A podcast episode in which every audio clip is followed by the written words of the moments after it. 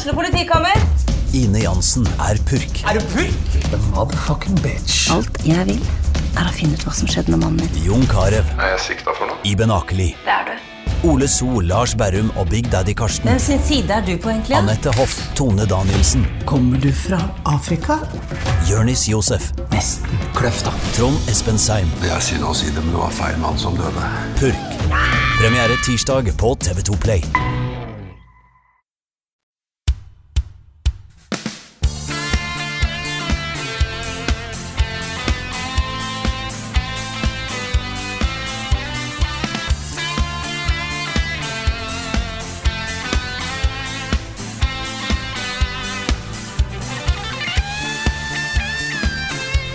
Etter å ha sett gjennom nesten et døgn med video, vi snakker 23,33 timer med søknadsvideoer, har vi faktisk tatt oss litt pause og er nå klar for å spille inn en ny podkastepisode av podkasten Level Backup med meg, Frida Danmo. Og med meg i dag har jeg Karl Martin Hogsnes, Rune Fjell Olsen og Jan Martin Svendsen. Hallo, folkens. Svens. Hello. Hallo. Svens in the house. Svens is Yo, in yo, in the house. boys. Åssen går det? Eh, ja. Svendsen? Å ja. Ja. Nei, eh, nå går det bedre. Det går bedre nå. Ja, det er bra. Det er bra. Jeg har jo, eh, jeg har jo hatt en, eh, en operasjon av type underliv, så jeg har vært litt sånn Jeg syns litt synd på meg sjøl nå i en uh, Ja, det er lov. tid. Det er veldig lov. Mm. jeg, jeg føler det er greit, fordi det, det, det fins liksom ikke så voldsomt mange andre plasser vi menn er så overfølsomme på, så det var spennende, da, riktignok, å um, gå på butikken på Skal vi se, det blir vel mandag. For da, um, da tenkte jeg nå må jeg ha et eller annet. For nå syns jeg så synd på meg sjøl. Nå må jeg ha litt kos. Vi har boller og sjokolade og kakao. Det var det jeg hadde lyst på. Eh, butikken er sånn maksimum tre minutters gåavstand eh, fra der jeg bor. Da tar det kanskje litt over 20 minutter ish å handle. Jeg brukte vel nesten en time. Oi. Uff. Høres ikke gøy ut, eh, Nei. Det er, det er to steder jeg ikke kunne tenke meg å operere. Det ene er underlivet, det andre er øyet. Ja, øyne, nei. Ja. Da, nei. Så, så du, du, kan, du kan klage så mye du vil. Og takk. Og så åpner det opp for uh, eh, introduksjon av underlivets humor. Underlivshumor. Ja, ja, ja. Det er Helt klart. En Det blir, gullgruve eh, det er, av eh, humor. Det er skikkelig stor stas, det, altså. Du hinta jo i introen Frida, til at vi har gått gjennom litt søknader eh, i det, i det siste. Vi hadde jo eh, søknadsfristen på eh, stilling, da, frilansstilling som eh, anmelder hos oss. Gikk ut på eh, mandag morgen. Og Det har jo kommet inn rundt 200 søkere, og eh, da har jo de aller aller fleste levert eh, fem minutter med anmeldelse og to minutter med present presentasjon av seg selv. Så summerer man opp det, så får man faktisk et døgn med video yep. som er sendt til oss. Shit. Det er ganske mye video. Ja, det er, det er Ringenes herre extended edition ganger to pluss. Ja. ikke sant. Så jeg kan jo nevne litt om prosessen, da, fordi i morgen, fredag, skal vi sette oss ned og etter da å ha gått gjennom alle søknadene hver for oss, eh, for å snakke om det som er våre favoritter. Og da må jeg nevne til folk at vi har ikke sett 23,33 timer med video.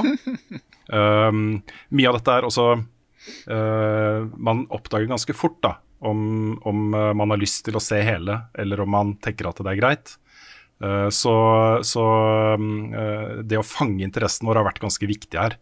Det å ha noe som catcher oss med en gang, uansett på en måte hvor man går inn i videoen, da, har vært ganske viktig. Så um, Uh, ber om forståelse for at ikke vi har sett gjennom alle videoene, hele videoene til alle søkerne uh, der. Og så må jeg nevne nivået i år er skyhøyt. Ja.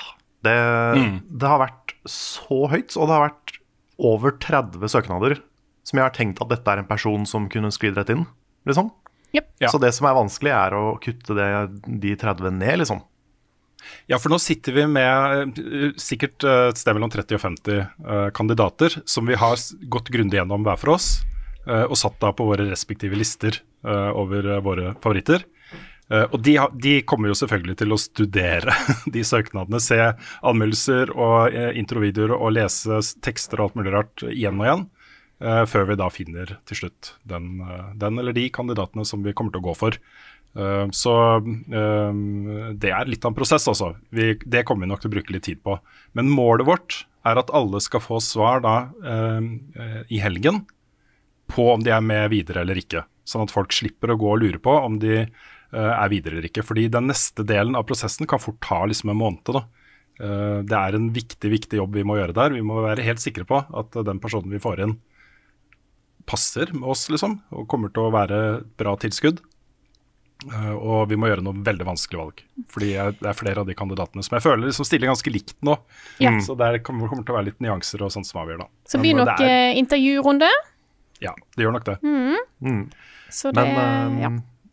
Men eh, bra levert, alle 200 som Ja, har søkt. fader, altså. Ja, og tøft gjort, ikke minst. Så vær, vær stolte av at dere har eh, produsert noe på den måten her, altså. Uansett. Hell yeah. Og så har vi fått en idé til en eh, ny serie som jeg har lyst til å lage. Eller vi har snakka litt om det før også, for så vidt. Men litt sånn derre uh, anmelderskolen. Litt sånn spillskolen, men uh, uh, tips da til hvordan man kan lage gode anmeldelser. Fordi jeg opplever at eh, når man er helt fersk, så er det litt vanskelig å skjønne hva er det man skal fokusere på. Hvordan skal man ordlegge seg? eh, hvordan skal man bygge opp et manus fordi, eh, til en video, liksom? Det er en del sånne ting da, som, som jeg føler at vi kan ha litt innsikt i, som kunne hjulpet en del folk da, til neste runde vi skal gjøre. Ja, sant. Det er, altså, de fleste har lest ganske mange anmeldelser, ikke sant? Og har kanskje en formening om hvordan de skal starte, hvordan de skal stoppe, men det er ikke sikkert de må følge de reglene. Og så går det an å komme med litt tips der, da. Mange måter å anmelde spill på. Det er det. Absolutt, absolutt. Eh, og noen andre som kan være stolte over jobben eh, det, det er veldig innovasjon her. Det er oss! Vi hadde seksårsjubileum denne uka. Hei! Det hadde vi. Det hadde vi. Først da tiårsjubileum i fjor, på Ja. liksom level up. Og så da seksårsjubileum som eget selskap eh, 15. februar. Ja, vi festa så hardt på det tiårsjubileet at vi gikk fire år tilbake i tid. Yes. og vi festa så hardt på, på tirsdag at Discord gikk ned. Det er sant. Ja. Det er sant. Så, eh, men det gikk, det gikk eh, fint. Vi fikk uh, trålt gjennom. Det ble bra stream. Det var veldig, veldig koselig. Det var det. Jeg føler at vi, Det er sånn ofte når vi har sånne lange streams, sånn fem pluss timer, så har vi kanskje noen sånne halvveis døds på programmet. Men uh, i år så følte jeg ikke at vi hadde det. Altså. Føler liksom Det virka som folk koste seg gjennom alle, alle de seks tinga vi gjorde. Og... Så det var gøy. Det svinga.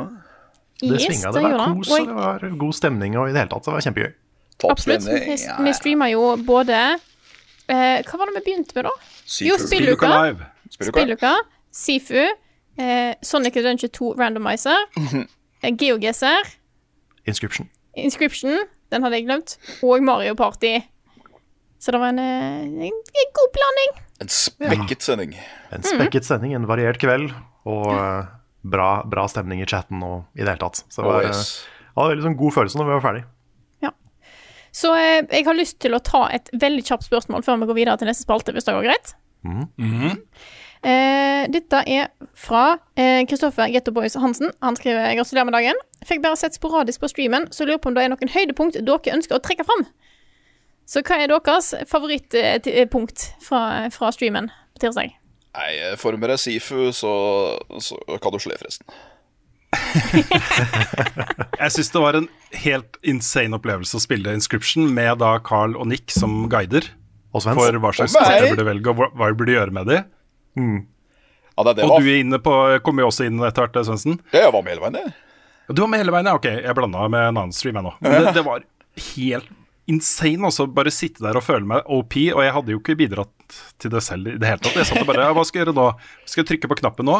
Eh, Hva skal jeg gjøre nå? Hvilken vei skal jeg gå? Så satt eh, dere bare og fora meg med informasjon. Og så innså jeg jo da etter hvert at nå sitter jeg med et, eh, en dekk, et sett med kort, som kan få meg gjennom dette her. Ja, altså Ikke bare få deg gjennom. For det, det jeg skulle til å nevne, det, det er kanskje mitt høydepunkt. Det er hvor OP det dekket ditt ble. Fordi jeg tror aldri jeg har sett et så overpowered broken eh, inscription-dekk noen gang som det du fikk uh, mot slutten av streamen. Altså. Nei, det var ganske vilt. Jeg er litt usikker på hvordan jeg klarte å skaffe meg det der death-kortet som var uh, så utrolig høyt powered. Men da har du gjort noe riktig, da. Rune. Ja, runekortet. fordi når du dør i inscription, så kan du lage et kort basert på de korta du har. Uh, men da hadde du jo da et kort som hadde fire attack og seks helse. Vet ikke helt hvordan du fikk tak i det, men det er sikkert en, ja, kanskje en bjørn, ja. Og så har du kombinert det da med noe som koster bare én uh, sacrifice. Da har du fått et dritbra kort, altså. Så du har jo, det har du gjort veldig riktig før vi begynte å spille. Så bare for han med Mantis God og Uroboros etterpå. Herregud. Det er- Fra spøk til alvor, da. Det var faktisk eh, favorittøyeblikket mitt òg. Og, um, og Sonic Randomizeren, for den tok meg så voldsomt på senga hvor random det var. Ja, det, for det vil jeg jo trekke fram. Det var noe tidspunkt der der vi satt og skrattlo litt i dag Amy går og skjeller ut uh, Shadow. Eh, det var noen veldig, veldig fine øyeblikk. Uh, noen øyeblikk som var veldig slitsomme. Blant annet siste, siste banen vi spilte, som holdt på å ta litt knekken på meg. Og så var det vel nesten ti minutter med cutscenes et øyeblikk. Så det, det er, for de som ikke vet det, det er Sonic Adventure 2, eh, der de hadde eh, Alt var random av type voice lines, musikk, eh, og det var i cutscenes. Eh, hva rekkefølge cutscenes og baner kom på, og hvem du spilte i de ulike banene. Så jeg starta vel ut med å være Super Sonic eh, og bare fløy over hele banen. Ja. Og så ble du Super Goose. Ja, jeg ble, Ja. Goose, jeg ble jeg gås. Ja. Jeg Tror ikke den var med i spillet, egentlig, så de har sikkert lagt inn noen sånne morsomme Det må de ha gjort. Ja, for plutselig Mefles dukka opp òg. Han er i hvert fall ikke i toeren. Nei, det er sant. Men det var Han er i veldig hvert fall festlig. ikke i toeren. Han er i hvert fall ikke i toeren. Ja, det er også meg, da. Men jeg må også shout-out til, eh, til Sifu eh, Svendsen. Det var gøy å se deg spille nesten hele spillet med shortcuts, da. Men, eh, men Ja, nesten alle bossene på en time. Det, det var kult. Og det var gøy å se deg være såpass god, spesielt på, på, på eh, The Club. Ja. For det er en vegg, altså. ja, vet du, sånn eh, Det er nesten så jeg syns det er en av de verste banene, sånn vanskelighetsmessig. Ja, jeg syns det. Det er så mye. Det er så mye. Og så er det så mange av de derre De skuttes i Muay Thai-bokserne. De du møter to av rett før sånn. Ja, de er grusomme. Jeg tror faktisk de har blitt patcha nå. Oi. At de var så farlige at de ble patcha. Jøss. Yes. Ja, det kan du se. Men før vi går altfor dypt i dette her, så tror jeg vi hopper videre til neste spalte. Hva har du spilt i det siste? For vi har ikke bare streama eller bare sett søknadsvideoer, vi har spilt en del ting òg. Og Rune, du skal få lov til å begynne i dag. Ja, jeg har først lyst til å nevne et, eh, et lite, sånn, litt ukjent eh, lite indiespill uh, som jeg har spilt i uka som har gått. Som uh, skikkelig overraskende at det eh, er på vei og aldri jeg, jeg tror ikke det er så mange som har fått det med seg. Jeg har spilt Elden Ring. Jeg har spilt Elden Ring. Nei! Jeg har spilt Elden Nei! Ring. Ikke, Nisse. ikke misunnelig i det hele tatt. Din Og det nisse! er Jeg vet det er litt vondt også. Det er litt vondt at jeg pga. NRK, NRK-giggen da eh, fikk uh, før level up. Ja. Um, Men jeg fikk det i går. Og du Jeg hørte Og- rykte. Jeg hørte rykte om at de skulle komme natt i dag. Ja. Så kan jeg selvfølgelig ikke si, uh, si noe om det. Nei, eh, men jeg har å, nei, jeg har lyst til å bare si én ting da, Ja. som er litt definerende for det første møtet med Elden Ring, som folk kan glede seg til. Som har spilt den tech-testen som var i fjor høst. Når den veggen er borte. Veggen er borte! Den derre veggen som avgrensa Ja. hvor du kunne gå, er borte. Ikke sant? Bare, det, bare se fram til det øyeblikket og gå igjennom det. Du, ikke sant? du husker der var veggen, ikke sant? Ja, ja, ja. Nå kan du gå dit. Åh!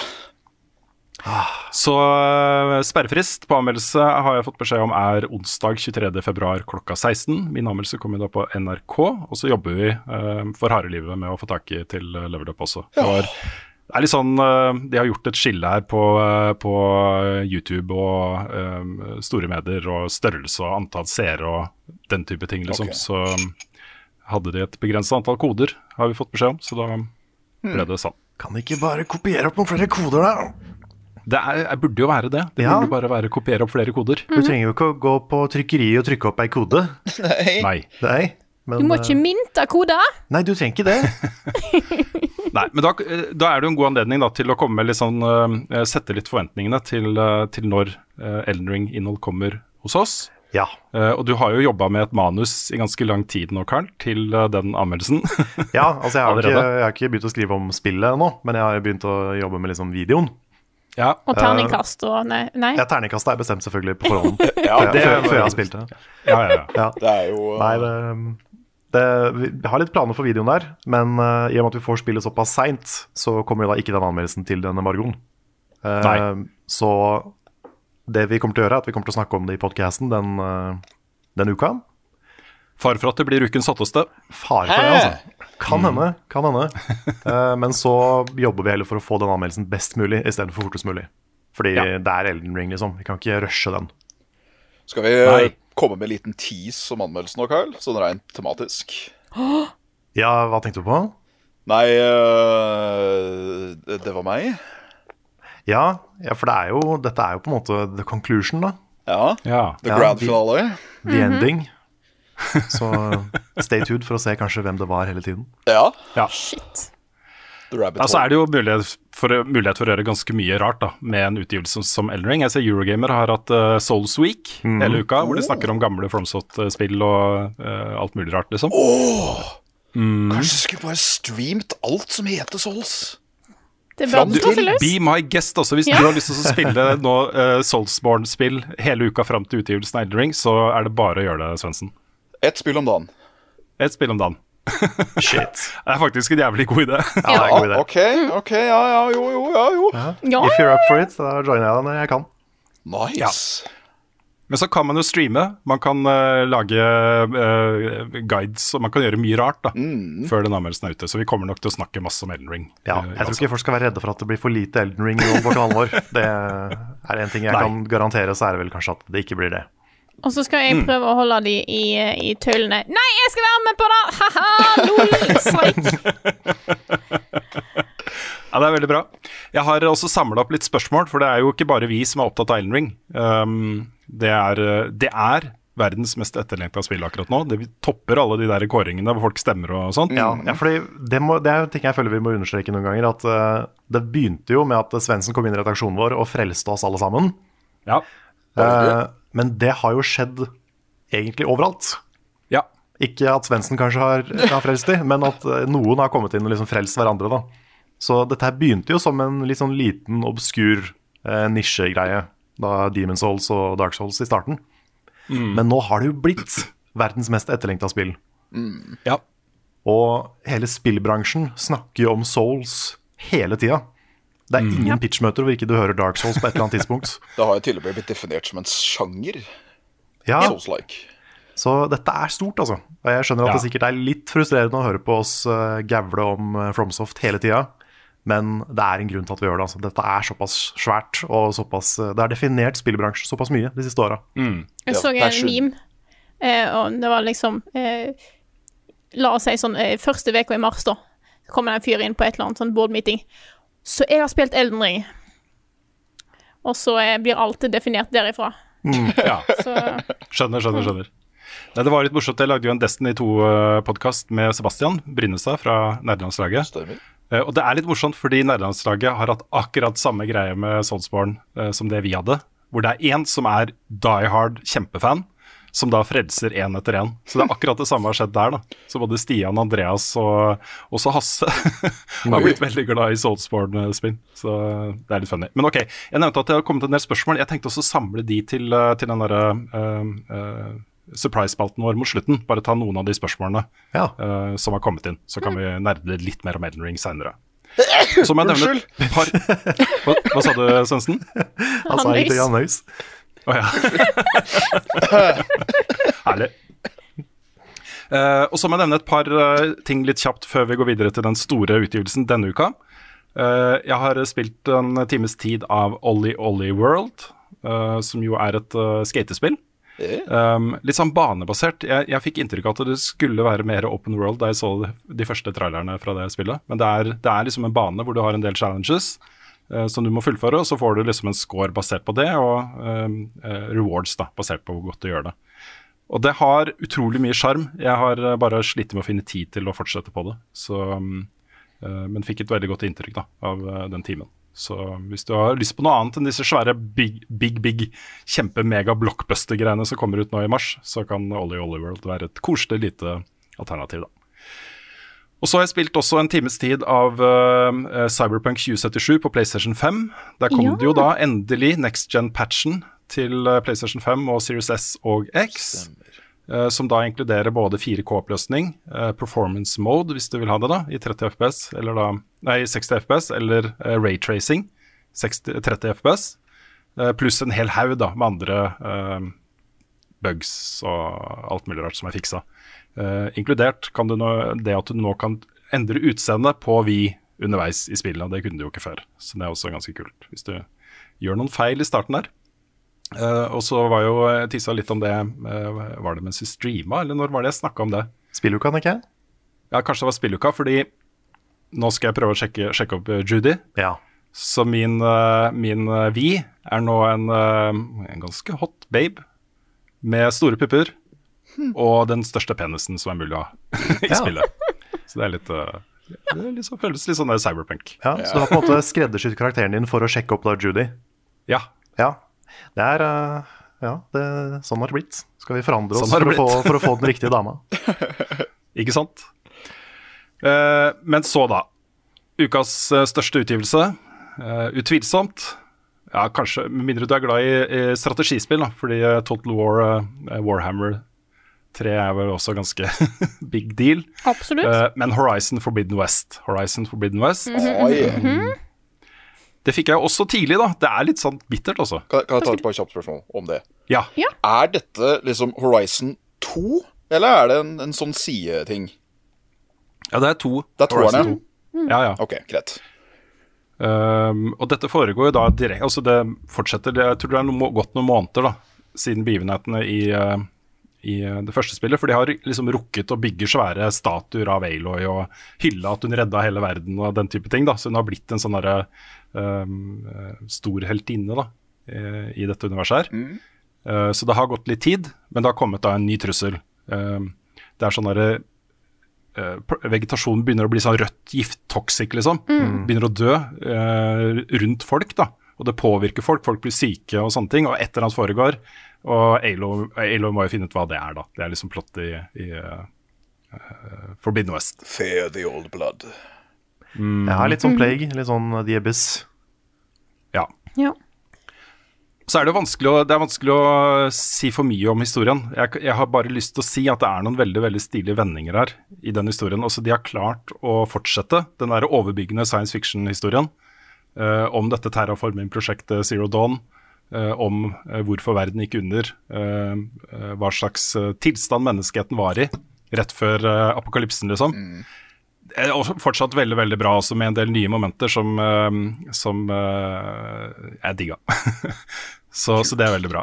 Og så er det også, syns jeg, da, et mye mye bedre Open World-spill enn det uh, Zero Dawn var. For det var litt sånn derre stort kart, masse ikoner. Eh, veldig lite av det, egentlig, som var gøy. Det beste uh, i Open World-tingene i Zero Dawn var når du fant liksom en hule et eller annet sted som hadde Det var sånn armor set du kunne finne i det spillet som var liksom skikkelig godt gjemt, da, og som du måtte faktisk det, det måtte du bare lete etter, ikke sant? Uh, det var det beste, og mye mer av det i dette spillet her, da. Du fikk det jo tidlig eh, for NRK, og har jo anmeldt det òg for NRK. Ja. Vi fikk det litt tidligere denne uka her, så jeg har begynt på det. Eh, men bare sånn at folk er klar over det, så vil jo det òg påvirke når min anmeldelse kommer. Ja. Så, eh, Hvor langt har du kommet, Frida? Jeg har kun fått spilt et par timer. Eh, Ja. Det tar tid å se søknader og ha stream. Ja, ja, ja, ja. Men eh, jeg har, eh, har en del tid nå framover, så jeg håper på å få den anmeldelsen klart så fort som mulig. Eh, Det er jo andre ting som tar mye tid, blant annet har kattene fortsatt den jækla parasitten, så jeg er nødt til å vaske hele leiligheten ennå. jeg. dritt, altså. Blir ikke kvitt den, altså. Nei, blir ikke det.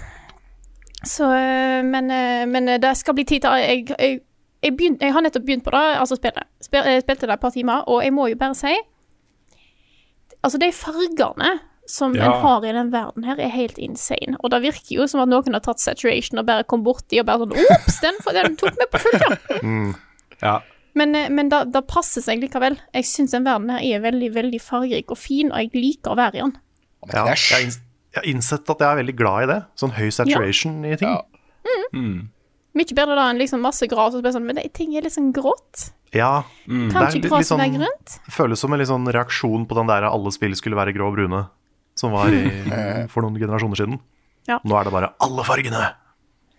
ja, men så settes det også Det, det settes jo også opp mot, uh, mot uh, på en måte verdens undergang da, for 1000 år siden i spillet. Og så se her, liksom. Dette er det vi må ta vare på. Dette er det vi må beskytte. Dette er jorden vår. ikke sant? Dette er, se hvor vakker den er. Se hvor flott Se hvor heldige vi er som har den jorden her, ikke sant. Ja, det er Så- samme, samme greie i Final Fantasy 7. Når du liksom er i Midgard, så er alt grått og trist. Og så kommer du ut av Midgard, og så å, nå er det farger, og det er grønt, og det er Ja. planeten vår. Ikke sant? Og så er det vel òg eh, eh, Hvis jeg husker rett, så er eh, grønn og rød kontrastfarger. Som vil si at rød og grønn eh, er veldig tydelige når de er på en måte i samme plassen. Som er veldig bra med at du har der rød eh, ting går under, ting er bad giftig type ting, og resten er grønt. Så dette er jeg som, som drar fram litt eh, fargeteori her. Ja. Eh, så vil jeg bare si at jeg syns det er, er gøy. Mm. Ja. Og så er det jo um, um, Jeg ga det jo terningkast fem, ikke terningkast seks. Jeg, jeg syns uh, Grilla er mye mye flinkere på makerhistorien, og den er veldig god. Også. Jeg er veldig glad i litt sånn high concept science fiction-historier. Som har liksom De har globale, uh, globale utstrekning, liksom. Det er en kjempeting, da. Det går 1000 år. Ikke sant? Terraforming, de har lagd jorden på nytt. Uh, derfor gikk det galt. Alle de tingene syns jeg er veldig veldig stilige, da, og liker det veldig godt. Uh, og så har jeg litt større problemer med å engasjere meg når vi kommer liksom tettere på de forskjellige rollefigurene. Jeg syns ikke de er like flinke da, til å skape litt sånn mellommenneskelig varme og sjarme, og at man blir godt kjent med disse rollefigurene. Um, så et godt eksempel er jo uh, The Last of Us Part 2, hvor uh, Ellie sitter og spiller gitar for kjæresten sin, liksom. Og de har en sånn moment sammen. Og så den type nerve da, i det nære mangler i dette spillet. Og det, for meg betyr det en del, for andre betyr det ingenting. da. Så det er en sånn ting, tror jeg, som uh, vil um, uh, variere fra person til person, hvor viktig det er for dem. Det, det første spillet hadde jo litt det der Mass Effect-problemet, føler jeg. Hvor uh, karakterene blir så roboter når de står rett opp og ned og prater mens kameraet skifter fra og tilbake og sånn. Ja. Og jeg har alltid slitt med å engasjere meg i det. Samme med Skyrim. Og jeg har aldri vært glad i en NPC i Skyrim, liksom. Nei, Nei. det blir veldig sånn stakkato uh, Ja, det gjør det. puppets. Så det Jeg håper jo det er litt bedre i det her, da. Mm, ja, men det, det er kanskje det er også Regien av de sekvensene er mye bedre. Men det tisa jo i spilluka at jeg skulle snakke litt om min opplevelse med å spille det før utgivelse. Fordi det som skjedde, var jo at jeg satt og spilte helt gjennom. Jeg hadde god tid. eh, Jeg runda det liksom en uke før eh, sperrefrist. Jeg fikk rulletekst, og så begynte jeg å gjøre litt open world-ting og sånt eh, som jeg ikke hadde gjort. da. Um, og skrev anmeldelsen. Leverte den i veldig god tid. Eh, hvor jeg bl.a. har kritisert det spillet ganske hardt for sånn Uncanny Valley. Um, eh, jeg tror det heter Den ubehagelige dal på norsk. Ah, da er et godt ord. Men det er et Ja. veldig bra uttrykk. Hadde jeg ikke hørt før. Eh, prinsippet er jo at jo nærmere du kommer liksom fotorealisme, uh, jo uh, mer creepy kan det bli da, hvis ikke det gjøres på riktig måte. Hvis ikke det er helt der, liksom. Ja, ja. Og i da den versjonen jeg spilte før da dag 1-patchen kom, den versjonen som alle kommer til å spille nå på fredag, så var det sånn at øynene liksom kunne plutselig bare finne på å se som kjempeplutselig feil retning. Av og til så så de på et punkt over, godt over hodene til de de snakka med. Eh, håret til Aloy, hver gang du skifta da eh, kameravinkel i de cutscenes-samtalene, liksom, så hoppa det. Det bare hoppa. Ja, det ble Eh, og mye sånne Ja, jeg rare skulle akkurat si det sånn er det i Bloodborne òg. Ja. Ja, det er nok en vanlig feil, sånn som du sa, Karl. Men øh, øh, det var i hvert fall nok da, av de der janky animasjoner og ting som bare plutselig som skal de um, kroppene uh, stilles inn til å respondere på noe annet, og så gjør de det litt for fort, liksom. Altså Det er ikke noe flytende. Det, var akkurat så janky at øh, det forstyrra meg såpass mye at øh, jeg fikk en ganske negativ opplevelse av det. da. Og så kom denne patchen, hvor det, det sto da i patchnotes før den kom at de skulle fikse animasjoner. Og det var det ene punktet som jeg virkelig hadde kritisert da, i den første teksten jeg sendte. Så jeg satte meg ned etter patchen og spilte det i noen timer, og da var det jo bare 100 ganger bedre. så da, det, det, ikke sant, det er ikke bare bare. Jeg føler at jeg har liksom blitt frarøva litt den der opplevelsen som alle andre kommer til å ha da, av spillet.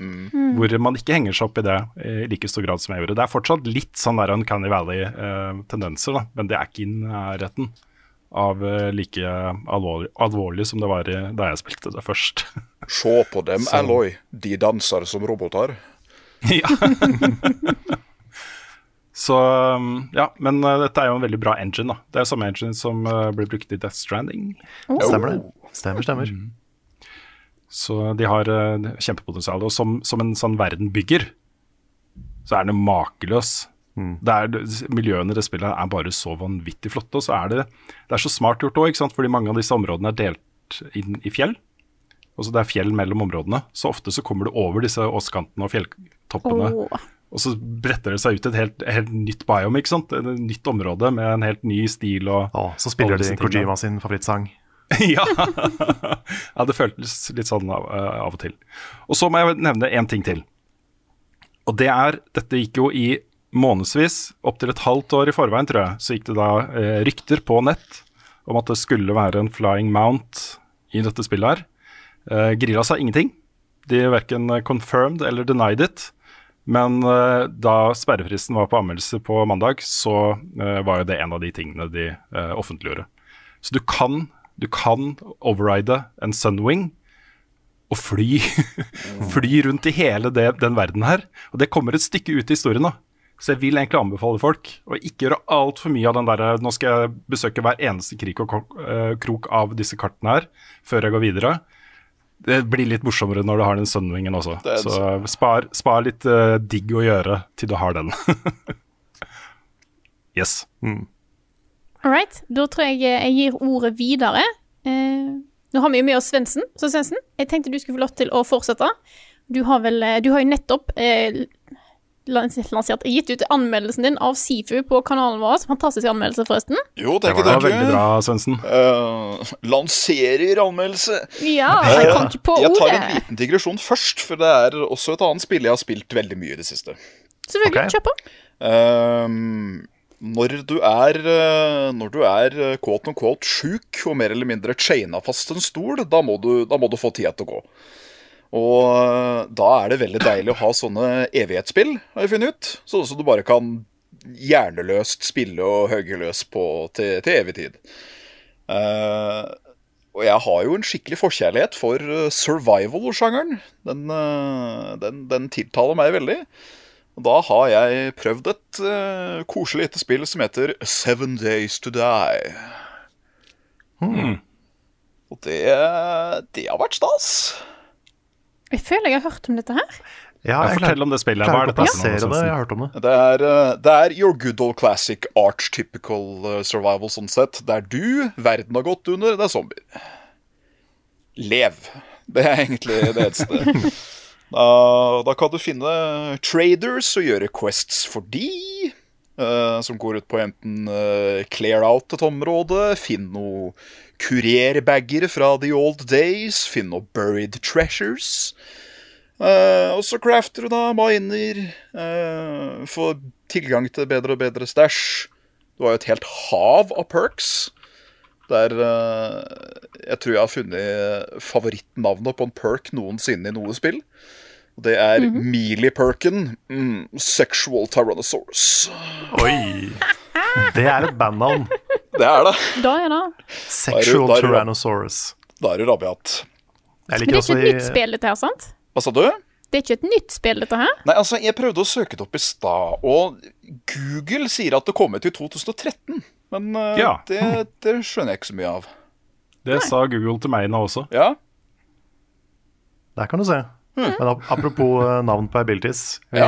eh, vi fant jo i, i Curse of the Dead Gods fant vi jo en pisk som heter Stormlash. Da lo jeg litt. Ja, Storm-Lars, ja. You have the stormlash in your hand. We have the Stormlash. Å, det er herlig. Her har vi det, vet du. Det er alfaen kom i 2013. Ah, Ja. Uh, men jeg klarer ikke helt å skjønne det, for det var alfa 5.0, og nå er vi på alfa 20.1. Ok, ja. Så driver fortsatt og jobber Det, Det høres ut som et Access-spill. Oi, oi, oi. Snakk om å dra den ut så langt det er mulig å dra den. da. Ja, det er det jeg i hvert fall finner på Wikipedia. Det kosta hele 120 kroner, tror jeg. Og øhm, jeg har jo spilt i ja, over en uke, så jeg spilte godt over 60 timer. Så Ja. Wow. det har vært øh, den perfekte kompanjong. Å liksom bare glemme Ikke tenke på Ikke tenke på junior, og smekke zombier i junior i stedet for. ja. Så det har vært kjempegøy. Um, Det er bedre enn en eh, tunge medisiner, eh, Svendsen. Ja, det var en veldig fin kombinasjon. For da kjente man liksom Ja. sånn Å, nå er jeg sånn sløv og deilig, og så bare hjernedød, høggeløs og sånn. Men jo, Ja. det, det siste poenget jeg skulle si, var at det som gjør dette spillet så utrolig deilig, er at hele verden absolutt alt du fucking ser. Om det er en bygningsvegg, om det er et tre, om det er et sluk, om det er eh, et avløp, om det er vann. Uansett hva det er for noe, du kan terraforme det. Så øh, jeg bare bygde meg en sånn typisk øh, Du vet, mudhut til å begynne med. Men så fant jeg ut Hei, la oss lage en, la oss lage en vollgrav rundt den. Og så fant jeg ut til slutt Hm, la oss prøve å lage en bunker. Og da gjorde jeg det. Høgga ut stein og forma og gjorde det glatt. Og så satte jeg opp et trehus inni der igjen. Og å, herregud. Den kreative friheten i det spillet, det er øh, såpass gøy at det tror jeg faktisk jeg skal øh, ta med noen igjennom på stream en dag. Ja, det hørtes, det Hørtes det veldig bra ut. Minecraft ut. Ja, Minecraft med Ja. Terraforming og sobber. Terraforming om sommer. Men ja, the, the main star attraction of the week har vel vært uh, Shifu. Har ikke det, Kari? Det har det, altså.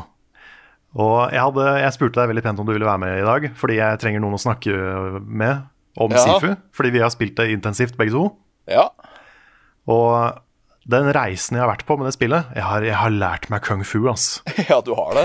I know. Jeg har det, ass. Ikke i virkeligheten, riktignok. Men, eh, men det begynte som en sånn uovervinnelig utfordring.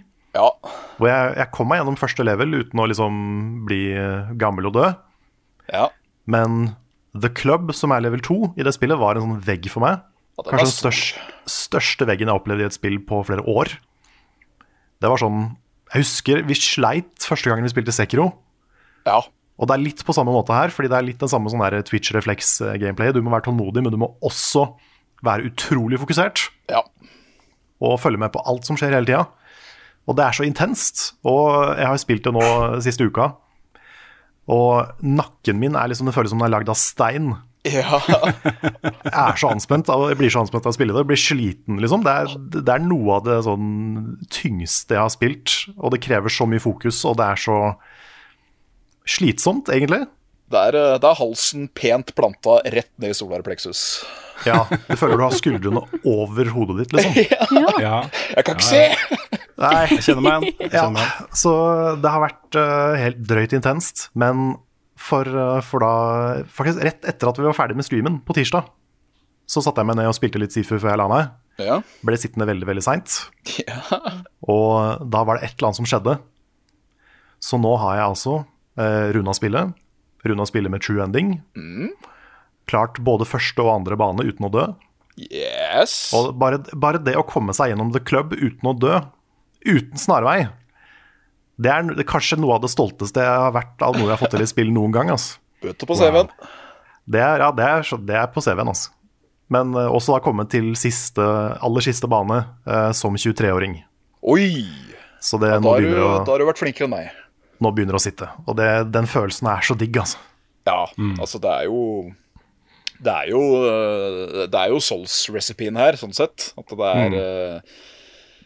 Det er for så vidt et lett spill å forstå seg på. Det, det, er ikke, det er ikke noe magi over hva du må trykke på for å få ting til å skje. Men øh, det å mestre det Huff a meg. Det, Ja, det for det er, Hæ? ja, for det er særlig den der timinga på, på blokking og eh, kontring Ja. som jeg syns er vanskelig å komme inn i. Jeg sliter med å finne den, da. Helt grusomt, faktisk. Ja. Men det var, det var det verste å lære seg. Fordi du Ja. har tre måter å unngå uh, attacks på, litt sånn som i Sekiro. At du Ja. kan parrye. Du kan uh, avoide da, med enten å dukke eller hoppe, ta så lite hopp. Eller du kan bare bevege deg unna. Og så kan du bare blokke vanlig. Bare holde det i en blokk. Ja, det kan du også gjøre. Så det er, det er ganske mye å forholde seg til der. Det er det. Det jeg fant ut, er at uh, så fort du blir god på parrying, eller eventuelt er veldig heldig med spamming av parry, Ja. så kan du gjøre en del av de kampene lettere. ja Spesielt den tredje bossen. Unnskyld. Nei, hva skal du si? Nei, du gjør jo masse posture damage via parring. Ja, Spesielt med de der shrine-upgradesa. ja sant. Ja, hvis du får de. For det er, det er nøkkelen til å liksom ta siste boss, føler jeg. Ja. Det å få, men da må du ha score på sånn 5000 per bane, og det er veldig vanskelig. Da må du liksom være ja, ganske god. fordi du får jo sånn multiplier for hver gang du dreper en fiende, eller avoider. Men den blir jo òg sakte, men sikkert resatt jo flere dask du får. Ja. Nettopp. Så du må være nesten perfect da, for å få de høyeste scoresa på en Ja. bane. For å kunne unnlokke den beste abilityen. Og ikke ta snarveier, for da har du ikke nok uh, folk å drepe. Det òg. Så du må faktisk klare det uten snarveier. Ja. Men det, det var også var en sånn kul challenge, syns jeg. Og jeg følte meg som en gud da jeg fikk det til. Så det, det er også gøy. Men uh, Jeg skulle si et eller annet, og så ble det borte. Men jeg vet ikke om det var, det var sikkert ikke så viktig. Da kan jeg legge til. Ja, Fordi um, progresjonssystemet her er også, jeg, liker jeg godt, altså. Ja. Hvor uh, dette med ability som dere snakker om, som kan uh, skaffes også permanent ja. på det runnet du er på. Um, uh, I tillegg til at når du har cleara en bane, når du har cleara et område, så har du gjort det også i det runnet. Så selv om du da blir 77 år gammel og dør på det runnet du er på, så settes du tilbake til um, etter den forrige banen du cleara. Så vil si at hvis du da liksom har cleara fire baner, og um, var si 40 år da, da du klarte det, så starter du som 40 år på den banen du døde Ja. på. Det er deilig Det er for, kan ikke så verst, altså. Nei, det er veldig deilig at du kan på en måte um, Du kan låse en tidligere bane til den progresjonen du har lyst til å se. Ja. Hvis du kommer ut av første bane som 20-åring, da. Altså, ja, eh, vi, vi setter maksgrense på 22 på andre bane. Og hvis du ikke klarer det, så ja, får bare prøve igjen. Og det er det som gjør at liksom, når du endelig får det til, når du har liksom the god run, så blir det på en måte lagra. Og da har du det for alltid, og det er Ja. kult. Men Men jeg har også blitt veldig veldig glad i det spillet her, altså. Ja, det, det er jeg synes det er kjempebra. Jeg gleder meg til å komme, komme tilbake til det. Det er, eh, det er rett og slett eh, det faktum at jeg sjøl nå, etter 20-30 timer med det spillet, så bare jeg, jeg klarer ikke å slappe av overhodet. Altså eh, det- Nei, jeg eh, Jeg koser meg 80% når jeg sitter og spiller. Det, det syns jeg rett og slett blei så Ja, det, det blei litt masete. Passer bra til scoren også, det å kose seg 80% for det ble en 8 av 10. Ja, ikke sant? Tror du? Nei, jeg, jeg skjønner deg veldig godt, eh, Sven. Så jeg, hadde, jeg sleit med det samme veldig, veldig lenge. Ja. Gjør for så vidt fortsatt det, men det er noe med den der Den kløa etter å spille mer Sifu ja. overskygger på en måte den frustrasjonen jeg føler noen ganger, da. Ja, fordi den er borte hos meg. Ja, ok. Ja. for Jeg er ferdig, den, nå, med Sifu. Den sitter hos meg fortsatt, altså. Ja. Så det, Men det er jo mange som har hatt problemer med vanskelighetsgraden. Såpass mange da at utviklerne sier jo nå at de uh, kommer med en announcement snart om da en easy mode. Ja. ja, Altså og en ny hard mode. Og, Og en hard mode, ja. Ja. Akkurat som Metroid Dread. ja. Nei, jeg, tror det er helt greit. Ja. Jeg tenker eh, jeg vil anbefale folk å prøve seg på normal hvis de kan. Ja, absolutt. Uh, men, uh, men jeg syns det, det er helt ok at det spillet også har en easy mode for de som ikke orker det. For det er som sagt noe av det mest intense jeg har spilt noen gang. Ja. Og hvis folk ikke har tid eller ikke har eh, ork til å lære seg noe som er så intenst, så er det ikke problemet med å skjønne det. altså. Nei, absolutt ikke. Altså, spiller du normal en stund og føler deg litt trått, så gå ned på easy, da. Og så get the skills to pay the bills, og så kan du gå opp igjen. Det går an. det går an. Men jo, det jeg skulle si, det var uh, tredjebossen vet du, Sven, som du har slitt med. Ja, Psycho. Ja, hun er veldig eh, sårbar mot Paris. Gjør det, ja? Så Ja, hvis i, du- i eh, fase to eller igjen? Er begge. Oh. Så hvis du spammer Parry på de der rare angrepene hennes som du sliter med å unngå, Ja. så kan du, eh, så kan du ta uten å dø. ja, ok. Det klarte jeg i går, og det føltes pretty good. Ja, det kan jeg se for meg, fordi hun uh, Ved design får meg til å se, se dobbelt og trippelt og frippelt når hun begynner å veive med den jævla kjeppen sin. Ja, jeg tror Grunnen til at jeg ikke har hatt problemer med henne, er fordi jeg har spamma så mye Parry. Oh, ja. Det er det jeg gjør når jeg får panikk. Så da, da, da har det gått. jeg er for slavisk på å prøve å ha perfekt timing, og så funker ikke det, og da sitter du der og Nei, det, det er tøft. Ja, litt Men jeg sliter, sliter fortsatt med siste boss, da, men jeg har fortsatt ikke lært meg han. Jeg syns Yang er lettere enn uh, en hun uh, Fei Long, skal jeg være helt ærlig. Nei, for hun sliter heller ikke. Jeg må lære meg siste boss. Det er det, er det jeg må gjøre. Problemet mitt med eh, han er at jeg er ikke så god på parry han, men jeg er en gud på å avoide han. Ah, ja. Fucker can't touch me, men da får jeg heller ikke noe structure damage, da. Så Nei. Så det er litt sånn Unstoppable Force meets Immovable Object. Jepp. Nice. Bare et Ja. sånt lite obs på at jeg må snart begynne å tenke på å runde av. Det er helt, eh, helt ok. Jeg kan, kan jeg skyte inn et spill til jeg har spilt? Ja. Ja. For jeg har uh, kasta meg ut i den eh, demoen som har kommet ut til eh, Triangle Strategy på Switch. Hva kaller Ja. du det? Triangle Strategy. Triangle strategy? Ja, Triangel. Det er, Ja. eh, ja. Det er de uh, folka som lagde Octopath Traveler. Ah. Og de har nå laga en slags eh, spirituell oppfølger til Final Fantasy Tactics. Oh. Og det er kult. Det var et uh, kongespill. Jeg har spilt flere av de Tactics-spilla. Ja. Og dette her er også dritbra, syns jeg, foreløpig. Um, veldig mye cutscenes. Dette er jo da de første tre kapitlene i spillet. Og det er veldig mye dialog. De setter på en måte opp en hel Game of Thrones-verden her. ja. Med massevis av characters. Eh, familier som har forskjellige forhold til hverandre, og verdensdeler som har vært i krig, men som nå ikke er i krig. Det er veldig mye law, veldig mye greier som settes opp. Litt sånn overveldende mye, kanskje, i starten. Men når du endelig kommer til fights, og det er vel sånn tre-fire av de i storyen uh, i den demoen her, uh, da blir det gøy. Da er det jo Final Fantasy Tactics med ganske Det er noen uh, små endringer i formelen, men, men veldig sånn velkjent hvis du har spilt en del sånne taktiske RPGs før. Hvor det er da sånn turbasert, og du beveger deg rundt på kartet, og du må posisjonere deg riktig, og du må velge riktig attack for å gjøre mest skade og ta minst, liksom. Men uh, når det kommer til poenget, så er det veldig kult.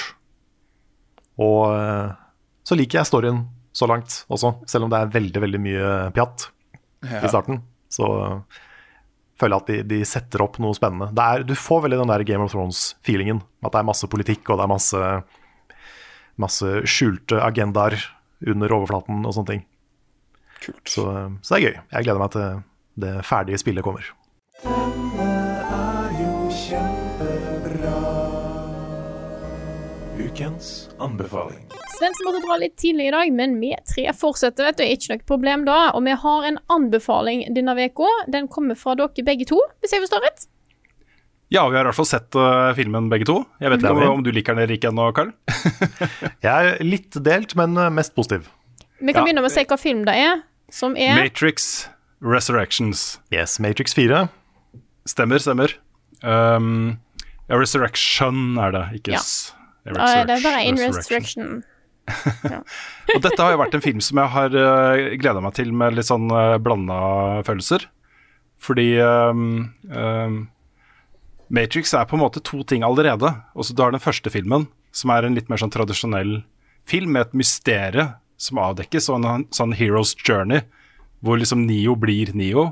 Og så har du to filmer til som dykker liksom stadig ned i, eh, dypere ned i sånn filosofi og eh, litt mer sånn eh, eh, tankeprosesser, da. Eh, blir noe mer enn en historie. Noe annet enn bare en historie også. Um, og det er jo et stort skille også. Det er mange som elsker The Matrix 1 og setter det som den beste filmen noen gang. Uh, mens de hater da to og tre, liksom. De Mm. syns de er dødsdårlige til sammenligning. Og så har du noen som er sånn supernerder som meg, da, som liker hele trilogien og den reisen de er uh, gjennom. Så jeg er fryktelig glad i hele trilogien. Men først og fremst den første filmen. Jeg også. Husker rett at da er blant en av dine favorittfilmer? Ja, det er nummer én. Det er nummer én, ja. Mm. Ja, ja, ja. Ja. ja, fordi jeg også liker deler av to og tre. Jeg syns det, det er en del av det som kunne vært formulert og liksom regissert litt bedre. At det, de er ganske tunge å se, og det tar liksom Jeg syns ikke alle ideene kommer så tydelig fram, men, eh, men jeg er ikke sånn som Jeg hater ikke verken to eller tre. Altså Mye av eh, scenene og sekvensen i, eh, i Matrix 2 og 3, og for så vidt også 1, da, men i mye mindre grad, er jo henta rett ut fra um, Og dette er jeg ikke noe ekspert på, altså. Så nå, eh, nå eh, på en måte siterer jeg ting som andre har sagt om dette, som jeg ikke fullt ut forstår. Men det er mye basert på uh, filosofi. uh, både teori og diskusjon. da, Så mange av scenene er bygd opp på den måten som man har diskusjoner i liksom, akkurat den filosofien. Så de har brukt på en måte akademia da, som et utgangspunkt for å lage mange av disse sekvensene, og rollefigurene og dialogen osv. Så, videre. så når de snakker med hverandre, sånn fram og tilbake med The Architect og sånne ting, det er mye basert på hvordan uh, den filosofien det er basert på, er på en måte også hvordan man diskuterer det på, på akademisk nivå. da. Så, så den dykker veldig ned i den type uh, tolkingsmuligheter. Jeg har en kompis, Martin Sivertsen, i, uh, han jobber i IT-avisen og jobber også med montasje, som har brukt masse tid da, på å snakke om og tenke på akkurat de tingene. Så hatt mange kule samtaler med han om Matrix. Men grunnen, grunnen til at det starta der, er rett og slett fordi ok, Matrix 4 kommer. Hva for, kan, kunne man da forvente seg at den bygger videre på liksom to og tre, eller én, eller hva, hva, Hvorfor? Hva prøver de med dette her? Og det jeg syns er så kult Nå har jeg fått sett den, for den kom på HBO Max uh, nå forrige uke. Eh, Jeg fikk ikke sett den på kino, dessverre. altså Jeg hadde så lyst, men det var midt i mens det pågikk som verst med koronaen og greier. Um, det er jo at de, de, de tuller med det. De tuller med Hvorfor kommer Matrix tilbake? Altså Det er blitt en veldig sånn metating i den filmen som jeg virkelig likte. altså Ja, og de, de ikke bare tuller med det, men dette er på en måte en oppfølger om oppfølgere. Ja. Hvor de, det er jo en karakter i filmen som sier rett ut at denne filmen, eller de, dette, denne oppfølgeren, kommer vi til å lage uavhengig av deg eller ikke. Ja. Så det er jo en direkte, direkte sitat av hvordan det var for The Wachowskis når uh, da Matrix 4 skulle lages, for den kom til å bli lagd, uansett om de var med eller ikke. Yes. Og der, Da har du så flere lag. da, For The Matrix er jo den der overbyggende sånn, uh, simulert virkelighet. Uh, og da i den nye simulerte virkeligheten som da Nio og Trinity er fanga i her, så er jo simulasjonen sånn at det er lagd et spill som heter The Matrix. som da Nio har lagd. Han er skaperen av det, det spillet. Med da hendelsene fra uh, særlig da den første Matrix-filmen, men også de to andre. Så de refererer til det som har skjedd da i de tre andre filmene via det spillet som Nio har lagd inni dette, denne nye simulerte verden. Og det Mm. blir en del sånne metadiskusjoner der som jeg syns er ganske morsomme, altså. Eh, Og gode, eh, rett og slett. Ja. Jeg har jo registrert at dette er en veldig sånn polariserende film. At det, er, det er mange som hater den, og noen som elsker den, og eh, noen som meg som er litt midt på treet, men som lener, lener mot det positive. Og det, er jo, det kommer veldig an på hva du ser etter i en Matrix-film, tror jeg. Fordi uh, Hvis du er veldig opptatt av gode actionsekvenser, som alle de tre Mm. første filmene hadde, så blir du kanskje litt skuffa. Det er ikke, det er ikke fullt så revolusjonerende og stilig, det her, føler jeg. Ja, det er fortsatt ganske bra, da, men, øh, men ja, men det er, ikke, øh, det er ikke sånn Matrix-bra, liksom. Det er ikke like revolusjonerende som det Matrix 1 og 2 øh, spesielt, og kanskje også 3-eren var da de kom. Nei. Jeg husker jo liksom den følelsen av Jeg så jo øh, The Matrix 1 uten å vite noe særlig om den på forhånd. Jeg hadde ikke engang sett noen trailere for den, bare sett noen bilder og lest litt om de avisene og sånt. Og så gikk jeg på kino i London og så den, sånn eh, premierehelgen. da. Mm. Og gikk ut av salen. jeg kan fortsatt liksom huske den følelsen av å gå, surre ut av den salen etter å ha sett The Matrix. Med liksom den der berusende følelsen av å ha sett noe visjonært og fantastisk, ikke sant? Ja, ja. ja, for jeg tror Hvis du liker på en måte den der litt mer filosofiske sida av Matrix, og litt den mindfuck-greia, med ikke vite hva du får og hva du går til og hva det betyr, og uh, prøve å sette sammen det puslespillet som er den historien, da. Mm. Da tror jeg det er ganske mye her å sette pris på. Ja. I hvert fall føler jeg det. Så um, jeg liker den. Jeg syns det er en uh, kul, kul måte å gjøre en fjerde Matrix-film på, for det er veldig mange måter de kunne gjort det på. Helt enig. Og jeg tror Grunnen til at jeg liker den så godt, er at jeg sammenligner den litt med El Camino. Som jo er uh, historien om Jesse Pinkman etter Breaking Bad, liksom. Er, det er ikke noen sånn storslagen filmopplevelse, egentlig. Og så sammenligna med Breaking Bad, så gjør den ikke like uh, sterkt inntrykk, da. Men det var gud bedre også så hyggelig å se hvordan det gikk med Jesse. Og så få, vite hvordan det gikk med han etterpå, liksom. Som en sånn gjenbesøk da, med et univers man er veldig glad i. Mm. Så, um, så det, jeg, jeg syns jevnt over dette var, egentlig var veldig koselig å se. Altså. Så, um, Ja, Det er også et element da, det, i den filmen her, av måten folk har tatt på en måte Matrix-symbolikk og applya det på sine egne måter. Ofte Mm. i noen tilfeller litt gærne folk som har brukt sånne red pills og blue pills og sånn i politiske sammenhenger. Mm -hmm. Som ikke er så bra. Eh, Det, det også blir jo på en måte adressert da, i den filmen her. Mm. Det syns jeg også er kult. At de, de, Det det, sånn føles som de tar det litt tilbake, liksom. Ja, ja. det var sånn herlig eh, liten hendelse på Twitter da Matrix 4 ble annonsert, med sånn ta den rå, rødpillen eller den blå pillen. Og så eh, var det vel en interaksjon mellom eh, hun Ivanka Trump Ja, og Elon Musk. Og Elon Musk, som skulle ta den ene, var det et eller annet? Ja, already taken the red pill. Ikke sant? Og så de, Begge de to sånn ha-ha, liksom, sånn refererer til Matrix og sånne ting. Så kommer jo da Wazowski inn bare sånn Fuck off. Ja, er, jeg tror det var Lana Wachowski som uh, svarte de to og bare literally fuck both of you, liksom. ja. For de refererer jo da til den, den andre måten å se på da red pill på. Her kommer nyheter med Rune Fjell-Olsen, og han har ikke hår.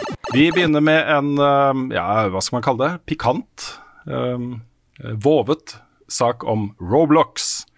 Det har uh, kommet en ny rapport da, uh, som uh, BBC i uh, Storbritannia har uh, jobbet fram, om det de kaller sexrom i Roblox. Huff da. Jeg så, Dette er jo- eh, jeg så dokumentaren om Roblox eh, fra People Make Games i går, faktisk. Ja, nettopp. Ja, for det også er en del av pakka som jeg hadde tenkt å, å anbefale folk her. For de kan jo nevne eh, eh, det nå. People Make Games, en YouTube-kanal, har lagd noen dokumentarer om Roblox som tar for seg eh, ikke disse rommene, men uh, eh, businessstrukturen, da, kan man vel kanskje si. Altså hvordan de opererer. Dette er jo, så Roblox er jo et spill laget på mange måter både av og for barn. Eh, mange av de spillene som er der, er jo eh, av de mest populære tingene, er jo lagd av brukerne selv. Er, alt er jo lagd av brukerne selv. Men noen av de er jo liksom litt proffe teams, mens andre er litt mer sånn bare de er flinke, liksom. De er 15 og flinke. Eh, det sitter jo en jente i, på Vestlandet, eller nå er hun jo 18-19, tror jeg. Men da hun var 15, så lagde hun spill i Roblox som ble kjempepopulært. Så populært at hun kunne starte sin egen business og ansette folk og alt dette her. da. Så, så dette er et univers og et uh, system laget av og for barn, og, og de dokumentarene tar jo for seg uh, hvor stor andel av de inntektene som disse barna da genererer i dette universet, Roblox sitter igjen med. Um, dette er jo da, uh, De definerer det ikke som jobb, de definerer det som en hobbyting folk kan gjøre. og Dermed så er det jo ingen arbeidskontrakter eller noe arbeids- yrkesvern, den type ting. da. Så de aller aller fleste som genererer inntekter i dette spillet her, eh, ser jo ikke en krone. Det er en grense der på 1000 dollar. Du må jo tjene 1000 dollar på spillet ditt før du kan hente ut noe som helst. da. Så det man som regel gjør, hvis du er eh, rett under eller rett over 1000, er å bruke det på in game uh, purchases av items uh, i spillene, liksom. Altså uh, gjenstander, kosmetikk. Eh, så pengene går bare tilbake til Roblox. Masse sånne greier, da. Men det, denne saken her handler jo om også, Vi snakker om et spill med flere hundre millioner uh, brukere. Uh, det er massivt, liksom. Uh, og det er jo et univers som de aller fleste, og da særlig foreldre, anser som et trygt sted å være for barn. Dette er laget for barn, av barn. Massevis av regler på plass for, for uakseptabel oppførsel og den type ting. Um, og jeg tror mange har litt sånn skylapper og, uh, på hva barn faktisk kan oppleve i disse spillene. Så Derfor så syns jeg denne typen rapporter er litt viktige. Det som skjer, da, er at noen sitter og bryter disse reglene hele tiden. Og lager da uh, egne liksom, opplevelser i uh, Roblox, egne spill, som må søkes opp. De er ikke sånn i trynet til folk i det hele tatt. Du må vite at det eksisterer, og så søke det opp. Men det er noen søkeord da, som brukes hver gang de lager den type opplevelser. Så hvis du bare vet det søkeordet og sitter og søker på det, så vil du jo få tilgang til disse etter hvert som de dukker opp. ikke sant? Og så tar det en time eller to, og så er de borte igjen. Uh, og her inne er det jo det er voksne mennesker og unge mennesker som uh, driver med simulert samleie, uh, snakker om sex, ganske grove ting. da. Og jeg tror det er greit for foreldre å være klar over at den type ting skjer. da. Det, um, ja. Ja, Så det er litt bra den rapporten kom. I et eh, spill som er såpass mynta på barn, så er ikke det Det er ikke greit. Det er liksom enda et lag eh, på ei kake som kun består av dritt. Ja, den er jo ikke Altså, ungene Altså, elsker. Roblox. Ja, ja. Det, det, det, altså, jeg tenker mer eh, Ikke nødvendigvis spillet, jeg tenker mer på modellen og firmaet. Ja. For det er helt tydelig. For at, eh, eh, dette er jo et giga, gigaspill. Eh, Verdt mer enn Nintendo.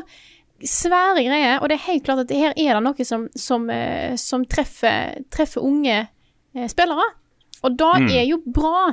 Eh, og kreativitet er bra. Er bare, det er så mange ting rundt det oppsettet her som ikke er lagd på en trygg måte. Det er nesten umulig da, å lage et trygt online-univers uansett hva det er. Jeg husker jo samme type historie om Habbo hotell, f.eks. Um, og det, det, foreldre må bare være klar over at i det øyeblikket du slipper barna dine løs på internett, hvor de møter andre faktiske eh, personer fra hele verden, så kan, kan det skje ganske kjipe ting, altså. Eh, og da ikke bare sånne sånn som dattera mi opplevde jo at uh, noen eh, lurte henne til å gi fra seg favorittpetten hennes i uh, et av de spillene hun spiller. Um, og så stakk, liksom. Så hun skulle bytte, da, ikke sant, mot noe annet, og så fikk ikke hun Og hun ble veldig lei seg. Uh, Prega liksom hennes opplevelse ganske lang tid etterpå. Um, og det er for så vidt uh, en grei lekse å lære seg, da. Ikke stol, på, ikke stol blindt på andre du møter på internett. Uh, men når det gjelder disse rommene her, da, så jeg, jeg tenker at hvis du først får vite om at det eksisterer Du er ti år gammel, liksom. Du får vite at det eksisterer. Er det kult å snakke om det i kompisgjengen og, og sånt, så blir det en sånn ting som, uh, som uh, er spennende og in interessant. Ja, jeg vil bare få fram igjen at jeg er ikke, jeg er ikke 100% negativ til Roblox. Jeg bare mener at de som eier det, ikke tar nok ansvar Mm. for den plattformen de har lagd. Sant. Og bare for å ha nevnt det òg, så er jo ikke, vi har ikke noe problem moralsk med sexy spill heller, men det er noe med målgruppa og noe med uh, måten det gjøres på, og trygghet rundt det. Jeg vil helst ikke at, øh, at øh, 50 år gamle menn fra øh, Tyskland eller Australia eller hvor det skulle være, står og danser naken foran barna mine mens Nettopp. de snakker om sexting. Nettopp. Ikke sant? Mm. Det, alt har sin plass. Yes. Og så da litt uh, hard overgang, men Sonic får da også sin tredje. Det får sin tredje kinofilm. De har bekrefta allerede før Sonic eh, the Hedgehog eh, del 2 er ute, at eh, det blir en tredje film. Og at Knuckles får sin egen live action TV-serie på Paramount Plus. Eh, Det blir jo da også antyda at, eh, at Idris Elva eh, også er involvert i den. Så de annonserte altså Sonic 3 and Knuckles. Ja, De gjorde det, altså. ja det er veldig, veldig kult. Eh, Sonic the Hedgehog 2-filmen har jo premiere i Norge 1. april, så det er ikke så lenge til. Uh, og vi var jo overraskende positive til den første filmen, egentlig, vil jeg si. Ja, den, eh, alle forvent, jeg føler hele verden forventa liksom en katastrofe. Og da blir jo alt en positiv overraskelse, sånn sett. Men, eh, men nei, det, det var mye bedre enn jeg trodde. Og så fortsetter vi med mer uh, film og TV basert på spill. Um, uh, den 24. mars kommer jo Halo-TV-serien på Paramount Plus, den også. Uh, der har de allerede også bekrefta at det kommer en sesong to. Så jeg er spent nå, altså. Um, det at den allerede er fornya, lover jo litt bedre enn jeg frykta, da. Så, så det kan bli kult. Ja. Hvis ikke, Er det ikke skummelt å fornye en TV-serie før den har kommet? Sånn, Du vet ikke om det slår an. Jeg føler jeg gjør dette hele tida over til jeg. Ja, De skal begynne å booke liksom, studioer og, og engasjere skuespillere og få kontrakter med folk og, og sånt, og smi mens jernet er varmt, da, ikke sant? og sette i gang produksjonen av ny sesong så fort som mulig. Så um, det er nok mye eh, basert på det, da. Um, I samme gate, Netflix skal lage film basert på Bioshock, en live action-film det også. Uh, og det er jo en historie som egner seg sjukt godt uh, som film også. Det kunne vært en bok, det kunne vært en film Mm. osv. Det er, blir er spennende å se eh, om det blir noe bra. Og så er det jo premiere denne uken da, på Uncharted-filmen med Tom Holland eh, som Nathan Drake, ung, unge Nathan Drake. Eh, ser den har en Metacritic-snitt på 47. Oi. Eh, høyeste score er på 70-tallet, liksom. Eh, nå skal det jo sies da at eh, filmkritikere eh, bruker jo i mye større grad hele skalaen enn det spillkritikere gjør, på Metacritic. Eh, det er mer vanlig da å se hele spennvidden av karakterer brukt om eh, også store ting, liksom. Men eh, jeg frykter nok at det kanskje ikke er så bra film. Jeg frykter Ja. det. Jeg Det første faresignalet kom for ganske mange måneder siden, da Tom Holland begynte å snakke om hvor mye han angra på at han spilte Nathan Drake. Uff, ja. Han var liksom tydelig misfornøyd da, med sin egen prestasjon og, og sånn. Ja, men jeg så den fikk ternekast fire i Aftenposten i dag, Ja. så kan det hende. Det er jo en syv av ti, som mange har gitt den. Det, det er det. Så det um, kan jo være det er noe der. Ja. Larian hadde jo en egen Boulderskate 3-stream nå denne uka her, um, hvor de da sa at dessverre ser det ut til at spillet ikke vil komme ut og bli ferdig i år. De forventer nå at de har ca. et år med utvikling igjen, og det betyr da uh, vinteren, tidlig vår 2023 på, på den. Eh, Men de sier også da at det vil komme flere oppdateringer til den Early Access-versjonen av det spillet som er ute nå, i løpet av eh, 2022. Så hvis du, eh, hvis du spiller dette her, eh, det er vel en akt eller noe sånt som er tilgjengelig eh, i Early Access-versjon, så vil det komme nyheter der. Det vil komme nye eh, greier å gjøre eh, gjennom året. hva kommer egentlig nå? Jeg har ikke peiling. Hva kommer nå? Dette her er jo podkasten før podkasten. Eh, da mener jeg jo selvfølgelig podkasten før, Elden før podkasten der Elden Ring kom ut. Eh, men det er jo andre spill som kommer ut i nær framtid. Jeg snakker selvfølgelig da om 22. februar. Da kommer det et spill jeg tror Rune gleder seg litt grann, bitte lite grann til. Jeg har en liten utfordring nå, ikke sant? fordi 18.00 på tirsdag 22. kommer jo eh, Destiny 2 The Witch Queen. Og jeg har sånn Jeg, har, jeg vet at jeg jeg kommer ikke til å klare å få Elden Ring ut av hodet mitt før jeg er ferdig med det. hvis du skjønner jeg mener. Altså jeg, må bli, jeg må føle meg ferdig med det før jeg uh, har lyst til å gå videre fra det. Så målet mitt nå da, det er å være ferdig med anmeldelsen til da 18.00 uh, på tirsdag. Så det har en, I tillegg til sperrefristen da på onsdag neste uke, så har jeg det som min egen sperrefrist. da. Wow. Ja, Men uh, det, kanskje det går. Hvis jeg får uh, lov til å spille masse i helgen, så går det kanskje. Men uansett, da, så eh, Vi nevnte jo tidligere at Elden Ring er jo det mest etterlengta spillet uh, i verden akkurat nå. Uh, og vi merker det veldig godt også på spørsmål som kommer inn. Og i ukevis nå så har det jo kommet spørsmål om Elden Ring. Gleder vi oss til Elden Ring? Hva skal vi gjøre i Elden Ring? Hva skal vi gjøre først? Hvilken klasse skal vi velge? Uh, har du noen tips? Jeg har aldri spilt et FromSoft-spill, osv. Uh, så har jeg samla noen av de spørsmålene som har kommet inn nå siste uke, og ber om tillatelse til å glede oss sammen med publikum til, eh, til dette her, for det er jo pokker også. Kjør på! ja, vi har fått ett fra eh, Alexander WS, som spør da Jeg har nå forhåndskjøpt Elden Ring etter mye positivt prat om From Software i podkasten. Jeg har ikke spilt Dark Souls, Sekiro, Bloodborne eller Demon's Souls før. Har dere noen gode tips i mitt første møte med Elden Ring? Det ser veldig bra ut, eh, sier det Alexander. Vær tålmodig. Ja, det er tips, tips nummer én. Det er det. Bare ikke, Ja, fordi- ikke gi opp. Nei, og vi fikk jo eh, også med utgangspunkt i det vi opplevde i nettverkstesten, eh, det er det jo lov å snakke om, så er jo dette en verden hvor det er utrolig mye valgfritt å gjøre. Altså, du har en path, altså en main path, men du, kan, du må ikke følge den. Du kan gjøre hva som helst. Eh, og det jeg opplevde mye i den nettverkstesten, var jo at jeg kom til liksom en, en, en eh, grotte, altså en mini-dungeon, med en miniboss. Um, sto fast og døde liksom tre-fire-fem ganger, men så tok jeg den. Uh, og så kunne jeg liksom få den rewarden og gå videre og gjøre andre ting. da, Og bygge opp karakteren min. liksom. Mm. Så hvis du står fast da på det som er main bosses i dette spillet her, og det var jo i hvert fall en, spesielt én av de da, i, uh, i nettverkstesten, så gjør andre ting. Bare gjør andre ting. Ja, og så er FromSoft er veldig glad i å trolle deg i starten uh, med å putte inn én fiende som er sånn super powerful. I network-testen så var det han fyren på hesten som dukker opp Mm. helt i starten. Noe av det første du ser i spillet, er han som uh, traver rundt på, på slettene der. Han er ikke meningen du skal ta med en gang. Nei, for det, det bringer meg litt til mitt andre tips, som er du må ikke ta alle. Nei. Eh, jeg har en sånn følelse av at ja, jeg skal gjennom, og så kan jeg ta ned der, og så tegner jeg den, og så tegner jeg den, og så eh, bare Så dør du. Eh, så ikke føler føl deg skamfull for at du sier nei, vet du hva, fuck deg, din dritt, og så springer du videre og bare går forbi han. Eh, Ja, for Det som er tiggen i disse spillene, her er at du blir sterkere og sterkere og sterkere som rollefigur da, etter hvert som du uh, får progresjon. Og så Du bruker jo de um, uh, greiene du får til å bygge opp liksom styrke eller helse eller stamina eller uh, alle de variablene du har, magi osv.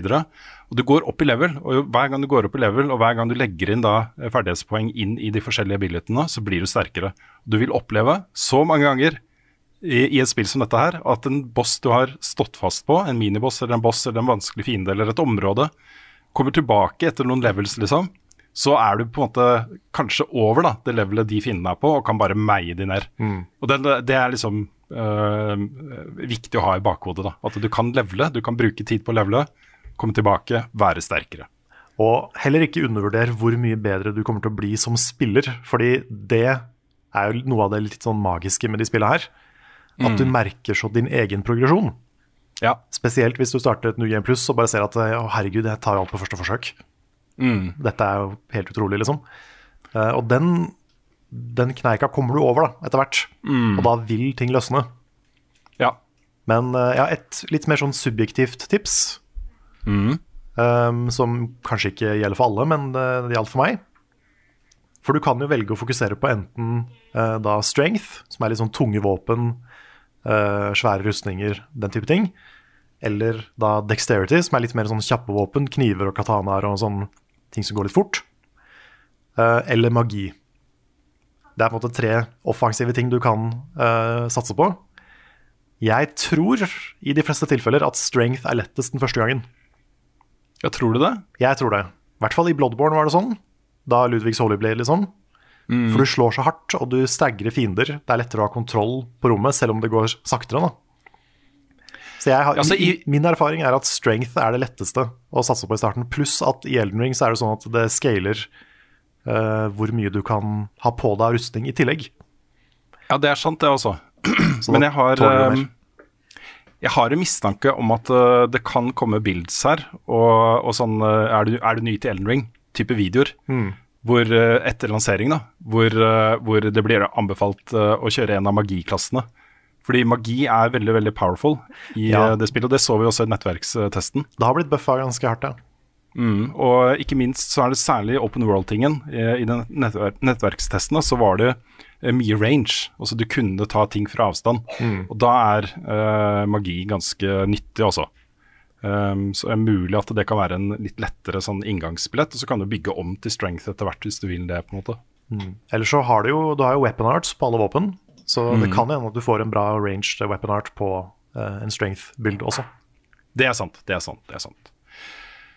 Så ellers eh, bare gjentar, vær tålmodig, liksom. Ikke, eh, ikke kjenn på eh, den nederlagsfølelsen for lenge. Bare gå videre til noe nytt. Gjør de tingene som du får til en stund, og så vil du gradvis komme inn i det. Mm. Det er Og, og når du dør, bare vit at det er meninga.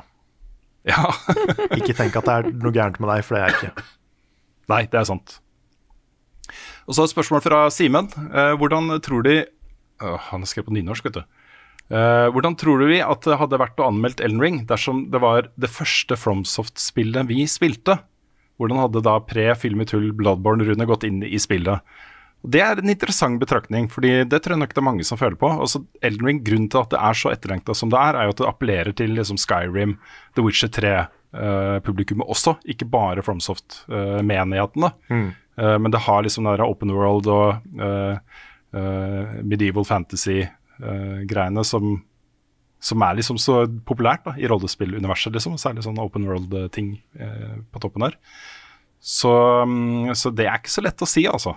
Jeg, jeg vet ikke helt hvordan jeg hadde forholdt meg til akkurat det. Fordi jeg har jo alle Alle de spillene nå er jo i bakhodet mitt mens jeg spiller Elden Ring. Mm. Og tar med meg de erfaringene jeg hadde der, og ser hvor inspirasjonen kommer fra. Uh, det er noe litt annerledes. Men uh, jeg ville nok ha angrepet det som et, som et open world uh, action-rollespill. Mm. Uh, generelt, liksom. Altså sjangermessig, da. Jeg tror eh, sånn Eneste store forskjellen hadde vel vært hvor lang tid jeg hadde brukt på spillet. Fordi det første FromSoft-spillet ditt er jo det du bruker lengst tid på. Jeg, jeg vet ikke hvor mange timer jeg hadde i Dark Souls 2, det var det første jeg spilte. Men uh, det er den lengste playthroughen jeg har hatt av et uh, From-spill noen gang. For jeg daua Ja. så mye at det var eh, Det var frustrerende, men, men det var likevel liksom mitt game of the year det året, da. Så jeg tror ikke det hadde påvirka hva jeg syns, men det hadde nok påvirka bare liksom progresjonen min. Mm. Ja, jeg tror nok det også. Og Folk vil nok oppdage, mange det er, Noen vil eh, sette seg ned med Elden Ring og være sånn Dette er for vanskelig for meg. Og så legge det bort. Det Mm. tror jeg nok. Uh, men hvis du uh, biter tenna sammen og eh, klarer å være tålmodig og get good, og så får til fikser spillet, liksom, så vil du nok oppdage det vi andre oppdaga, at det er noen kvaliteter i det Flomsoft gjør, som, eh, som eh, er litt sånn universale, da. Altså som eh, man vil kunne gjenkjenne, i hvert fall. også både som spiller og som spillkritiker. Mm. Så Og så vil jeg si at det er helt lov å si at dette er et spill som ikke er for deg, Og Ja. det, betyr at Mhm. du ikke, det betyr ikke at du ikke er god nok. Nei. Det er sant. Det er, eh, hvis du er glad i en sånn mestringsfølelse, hvis du liker å føle at du på en måte vokser og blir uh, bedre i noe, så tror jeg du trigger veldig på spillet til FromSoft. Mm. Og eh, det er også helt lov å bruke summons. Det er da å kalle inn en annen spiller til å hjelpe deg med en boss, f.eks. Så det, det fins jo måter å gjøre det spillet lettere på.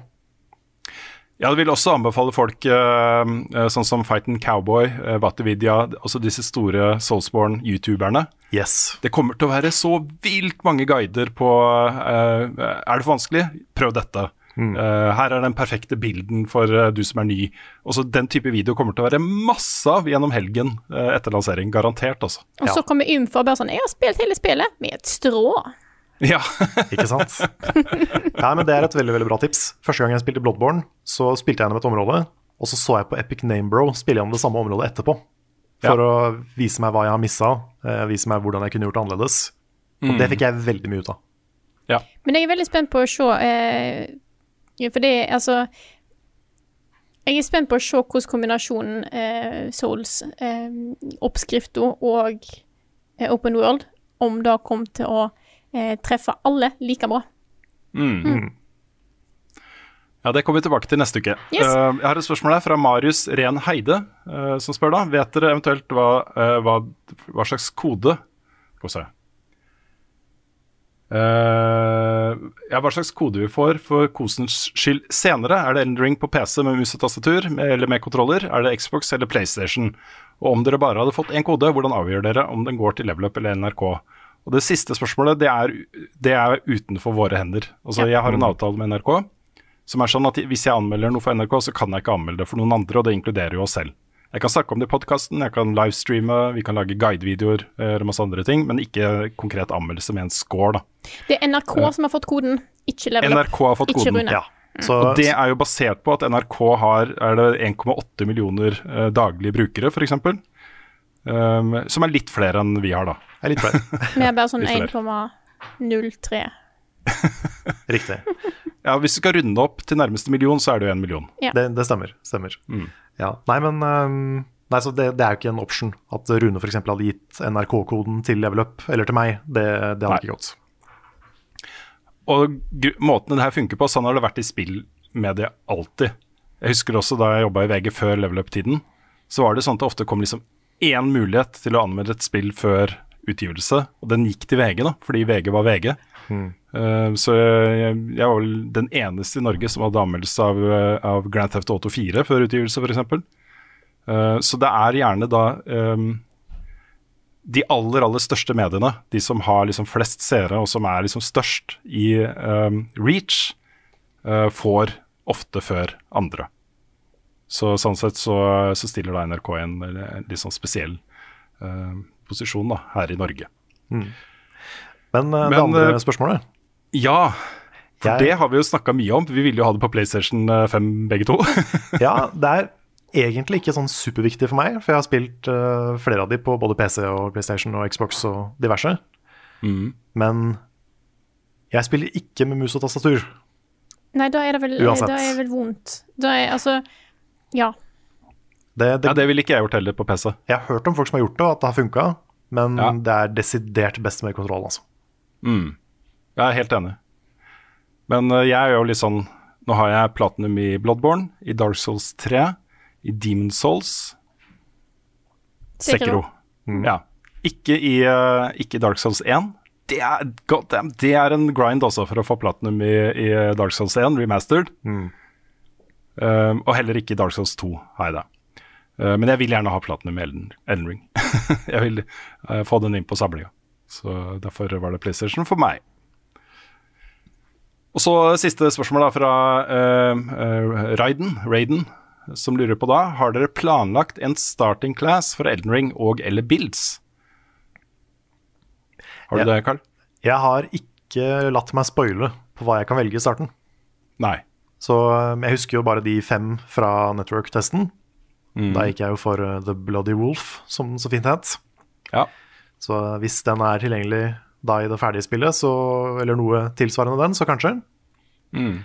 Men jeg har, jeg har ikke bestemt meg for om jeg skal være strength build eller magic eller eh, Jeg skal i hvert fall ha Jeg skal ikke ha bare magic, jeg skal ha noe fysisk også. Men om det blir eh, strength eller dex, det vet jeg ikke ennå. Ja, jeg, jeg har alltid bygd eh, strength builds. Jeg har liksom noen ganger tenkt at nå kanskje jeg skal prøve en magic build. Nei, jeg gjør ikke det allikevel. Så har det hendt da sånn at jeg har eh, lagt inn litt poeng i intellekt og, eh, og sånt etter hvert for å kunne bruke litt magi. Eh, Men um, starte med strength også. Jeg vil ha et skjold, og jeg vil ha et stort sverd. Også i Elden Ring. Jeg, jeg er altfor glad i masse damage. Og da ja, det er noe et eller annet der, altså. Ja. Men jeg har, jeg har fått en liksom forkjærlighet for Dex òg, sånn som i Bloodborne med Blade of Mercy. Og bare hoppe inn og bare ora, ora, ora, ora, ora, Og så bare plutselig så er alt borte. Uh, Ja, men det er jo den der bare løfte et gigasvært sverd over hodet og bare bam! Ja, det er, det er gøy, det òg. Liksom. Det er liksom. gøy, det òg. Men nei, det er noe med den komboen som du kan få av dekkspills, som jeg liker veldig godt. Ja. Men uh, jeg tror kanskje det blir strength nå i første omgang. Altså. Nå har jeg kun spilt gjennom Bloodborne med, med Saw Cleaver, så da er, det har det vært strength build, så det er nok det jeg kommer til å gå for nå, bare for, for da, den grunn. Mm. Men jeg lener litt mot strength mest pga. armor, kanskje. Fordi jeg har lyst til å ha litt sånn svære, kule rustninger. Hva er dines best, hvor var fredag sist? Har Carl egentlig sopp? Ukens spørsmål. Denne uka her begynner vi med et spørsmål til meg, eh, men jeg vil gjerne at vi kan eh, ta og diskutere det alle sammen. Dette er fra Simon Kjøl Jacobsen, som skriver Hei, Frida. Har ei venninne som kjøpte Bajonetta 2 og spilte det noen timer. Hun hata det og kalte det det mest under, kvinneundertrykkende spillet hun hadde spilt.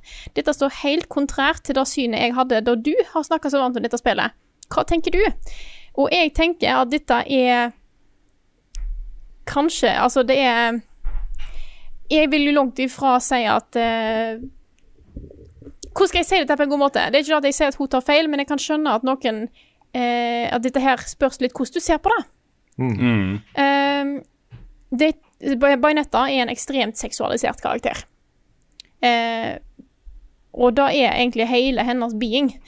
Men mitt inntrykk av den karakteren, eh, og min opplevelse av den karakteren, er ei dame som velger å være det. Eh, og dette er på en måte hele hennes vesen, er denne dominerende, dominatrix-lignende måten å oppføre seg på. Eh, litt sånn som en også kan se i burlesk type dans og sånt òg. Eh, er jo òg en veldig sånn en, At du eier kroppen din, eh, og da å være sexy er ikke en feil. Eh, det, ikke, det betyr ikke at du har eh, menn som har prek- prakka det på deg. Og den opplevelsen får jeg av Bajonetta. Ja, det er en, jeg har sett en del takes rundt det der, for det er en debatt som har vart uh, lenge. Og jeg kan se litt begge sider av den, fordi jeg er veldig enig med deg, Frida. Uh, jeg opplever også Bajonetta som en character som eier sin egen seksualitet, liksom. Uh, samtidig så ser jeg motargumentet med at uh, men dette er et spill laga av veldig mange menn. Ja. Japanske menn. Japanske yes. menn, ikke sant? japanske menn. Så det er jo motargumentet. At det, det er jo Ja. sånn sett kanskje menn som har prakka det på på en måte. Men eh, jeg vet ikke, jeg, jeg vet ikke helt hvor jeg faller sjøl, altså. Jeg er litt sånn, jeg ser veldig begge sider der. Nei, for det, det, er da jeg For jeg har tenkt litt på det da jeg så det spørsmålet her, og jeg kan godt skjønne hvor det kommer fra, eh, og jeg vil langt ifra si at det er en feil take. Um, Rett og slett fordi dette er, som dere sier, et spill lagd av menn. Dette er jo Sånn er det bare. Men jeg syns at det er en karakter som er lagd på en god måte likevel. Ja. Hun er badass Ja. selv om hun er naken, liksom. Det hjelper for meg at Bajonetta er så sinnssykt fuckings kul. Mm. Ja. Jeg føler at det blir litt i samme eh, Litt på en måte samme måte som Lady Dimitrisk. Ja. Mm. Også en eh, kvinne lagd av japanske menn. ja, absolutt. Men, Nei, men eh, jeg, satt, jeg husker jeg satt jo og spilte Tomb Raider med søstera mi, eh, altså de første Tomb Raider-spillene. Eh, og hun er litt sånn bajonetta-esk, altså. Fordi ehm, vi, vi satt jo begge to, særlig hun, da, og himla med øynene over de store puppene, og at eh, det var fokuset var på den virkende rumpa hennes og den type ting. Men hun lot seg ikke pille på nesa av noen. I dette universet er, er det Lara Croft som er kongen, ikke sant? Eller dronninga, da. Eh, alle disse mennene som kommer inn, hun bare hamler opp med de og gjør sin egen greie, liksom. Um, så det var jo det søstera mi connecta med. Hun digga jo Lara Croft, syntes hun var en dødskul rollefigur. Selv om hun himla med øynene over den seksualiserte greia. Og den seksualiserte greia er jo er jo veldig, veldig bevisst. Altså det, det har kommet så mange historier om uh, hvordan de som lagde Lara Croft og Tomb Raider tenkte da de lagde henne. Og det var jo utgangspunktet deres var jo her vil vi gi Uh, disse gutta som spiller eh, dataspill, noe uh, deilig å se på. Det var jo utgangspunktet for Lara Croft. eh, Måten hun opp... Altså animasjoner og eh, størrelse på pupper og den type ting. Ja, det var jo en misklikk på, på puppestørrelsen som gjorde at de ble så svære, og så begynte de andre mennene å le. Sånn, dette var fett, og så bare beholdt de det. Ja. Men det ene, så jeg tenker er litt sånn Det ene ekskluderer på en måte ikke det andre, og det må være lov å kunne liksom tolke rollefigurer i, um, i populærkulturen på den måten man selv vil, da. Um, og så fins det, det jo rollefigurer som er uh, mye tydeligere over på den ene eller andre siden. Og så absolutt ikke seksualiserte i det hele, hele tatt. Og så sånn helt vanvittig seksualiserte som et objekt. da. Eh, og både Bajonetta og Lara Croft faller jo liksom ikke helt på ytterkanten av den skalaen, liksom. Den, de, de er jo på en måte et sted inni der, med elementer av begge deler, på en måte. Og så syns jeg da at det er gjort så ekstremt over the top og hjelper på. Da Ja. at det er så eh, At det er tatt så langt. Eh, Mm. Men uten Uten at det blir eh, Altså, jeg vet ikke hva som er banalisert. Eh, det er jo noen spill der på en måte eh, damene Hva er dette volleyballspillet? Dere vet hva jeg snakker om? Dead or Alive Yes. Extreme Beach Volleyball. Yes. Eh, der syns jeg det blir litt vel på en måte Da blir det bare sexy for å være sexy. Her så syns jeg det er sexy for å være dominerende, og da syns jeg det faller inn i en annen kategori, for min del. Også, ja, og så går det over i å være litt sånn absurd. Og da Ja. føles det mer som en parodi på litt sånn Dead or Alive-type sexy. Mens i Dead or Alive så er det liksom bare sånn dette har de lagd for at unge menn skal ha noe å kose seg med. Mm, fordi at det, det, er, det er jo ofte på grensa til parodisk. Ja, jeg Eh, føler det. det, er jo at en det eller er annen en plass jeg tror parodi. det, mm, det er en eller annen plass i Bajonetta 2, tror jeg, der Bajonetta flyr gjennom lufta, og så er det ting som kutter opp kroppen hennes, mens det kommer litt sånn stønnelyd-type ting. Og det blir sånn Det blir så dumt. At det i tillegg eh, blir en parodi på, eh, og en kommentar til alle de som lager sånne spill, om at dette her har de gjort bare for å vise at se hvor teit eh, dette her er. Mm. I tillegg. Og, og der også er det enda en debatt om liksom hvor tydelig burde satire være for at det skal oppfattes som det. ikke sant? Så Det er så, det er så mange diskusjoner man kan ha om de tinga her. Mm. Så Jeg vil jo også si da at uh, det er jo ikke uten grunn at vi ofte trekker fram ikke- ikke-seksualiserte kvinnelige rollefigurer i spill som noe positivt. Um, så um, når vi snakker om liksom Bajonetta og Lara Croft og, og sånt, så er det på en måte en litt annen diskusjon enn det. da. Ja. Uh, sånn som Aloy, for eksempel, uh, i Horizon, som uh, Det er jo noen av disse mennene i dette universet som prøver seg på henne, og som behandler henne som, uh, som noe de skal forføre, liksom. Og hun bare kontant avviser det hver eneste gang. da. Det er ingen, ingen som skal fortelle henne liksom, om å være på en spesiell måte, eller, uh, eller å øh, øh, være et, et sexobjekt da, for menn i det, denne verden her, liksom. Og Det er, det er veldig kult, altså, og det er veldig bra og sunt at vi får den type kvinnelige rollefigurer i spill som hovedpersoner, og som helter, liksom. Heltinner. Og der har det skjedd noe de siste åra. Siste sånn Mm. seks-sju åra spesielt, kanskje. Med Ja. at det har kommet flere av de. For det Mm. har jo vært et kjempeproblem lenge at det har vært mye dårlige kvinnelige karakterer i spill. Absolutt. Er- Og jeg vil jo mye Ja. heller ha sånne type realistiske, sterke karakterer som Som da en har sett nå de siste årene. Mm. Men skal en gjøre noe sexy, så gjør det som bajonetter. ja. Altså folk, jeg, jeg føler jo at, uh, at mange er litt uh, um, uh, frykt, er, er litt redde for denne seksualiseringen av rollefigurer, men glemmer kanskje at sex er en viktig del av å være et voksent menneske. Altså, uh, uansett da hvor, uh, hvor likestilte vi er, og hvor, uh, hvor viktig det er med ikke-seksualiserte rollefigurer og den type ting. Sex er et tema for oss, liksom. Det er viktig for mennesker. Mm. Eh, og jeg syns også spill må få lov til å eh, spille litt på det. Ja da. Det er, eh, det er en fordel å unngå de stereotypene, selvfølgelig. Sånn eh, Mm. sånn ve veldig seksualiserte kvinnelige karakterer har på en måte vært en sånn gjenganger i spillmediet, og det er litt flaut. Og litt kleint og litt kjipt. Men uh, hvis vi kan komme til et punkt hvor det på en måte det er rom for å ha det på alle sider, da. Sånn som uh, Det nærmeste jeg kommer en mannlig bajonetta, er egentlig John Sina i Peacemaker. For han er litt sånn ridiculous på samme måte. Eh, og det er gøy, men eh, ja, det har ikke vært det samme problemet ikke sant, på den andre sida. Så det er eh, Jeg er jo glad at ikke alle kvinnelige karakterer i spillet er som bajonetter. mm. Ja. Mm, da For da hadde det blitt veldig, veldig feil igjen. Åh, nå husket jeg mitt favoritteksempel da, på, eh, på dette her done right. Ja. Med et mannlig spillikon som er bare kjent for å være et muskelberg som meier ned zombier og nazier og sånne ting. Uh, BJ Blazkowicz Ja. Mhm. i Wolfenstein uh, New, The New Order. elsker den karakteren. Som, ja, som blir da forelska i Anja, ikke sant? Og hun tvinner jo han rundt lillefingeren. Og så hun er jo beintøff med han, men de blir jo forelska og har seg, liksom. De har sex i spillet på en helt naturlig måte. Jeg syns hele det der forholdet mellom de to Det er bra, altså. Det er bra. Det er det. Det er, det er abnormalt bra, egentlig, for å være et spill. Ja, det er det. Jeg tror eh, vi går videre. Så jeg vil bare si at jeg eh, vil ikke si at venninna di tar feil. Det er helt lov å på en måte, se, på, med, se på dette her på flere måter, for dette er en nyansert sak. Ja, du, kan, du kan komme med veldig veldig mange gode argumenter for at det er uh, riktig måte å se det på. Mm. Yes, Da tror jeg vi tar neste spørsmål. Carl? Ja, skal vi se. Litt sånn i anledning at vi hadde jubileum denne uka her, da. Så har vi et spørsmål fra Christian Larsen. Han spør hva er deres beste minner fra seks år i level up? Hva er planene deres framover nå etter sammenslåingen og oppnåelsen av kontor? Vi kan jo ta det første først. Mitt beste minne fra level up eh, etter vi gikk indie, er nok eh, turen til Spania og Noscope. Det var gøy. et flott, det var en flott tur, altså. Det var ordentlig ordentlig gøy å få laget noe så, så stort, liksom. Mm. Det var dritgøy. Så um, Ellers så er det liksom mange småting de gangene vi har samla oss til E3, de gangene vi har gjort litt sånn ting utenom det vanlige. Møttes i byen. Det er sånne ting.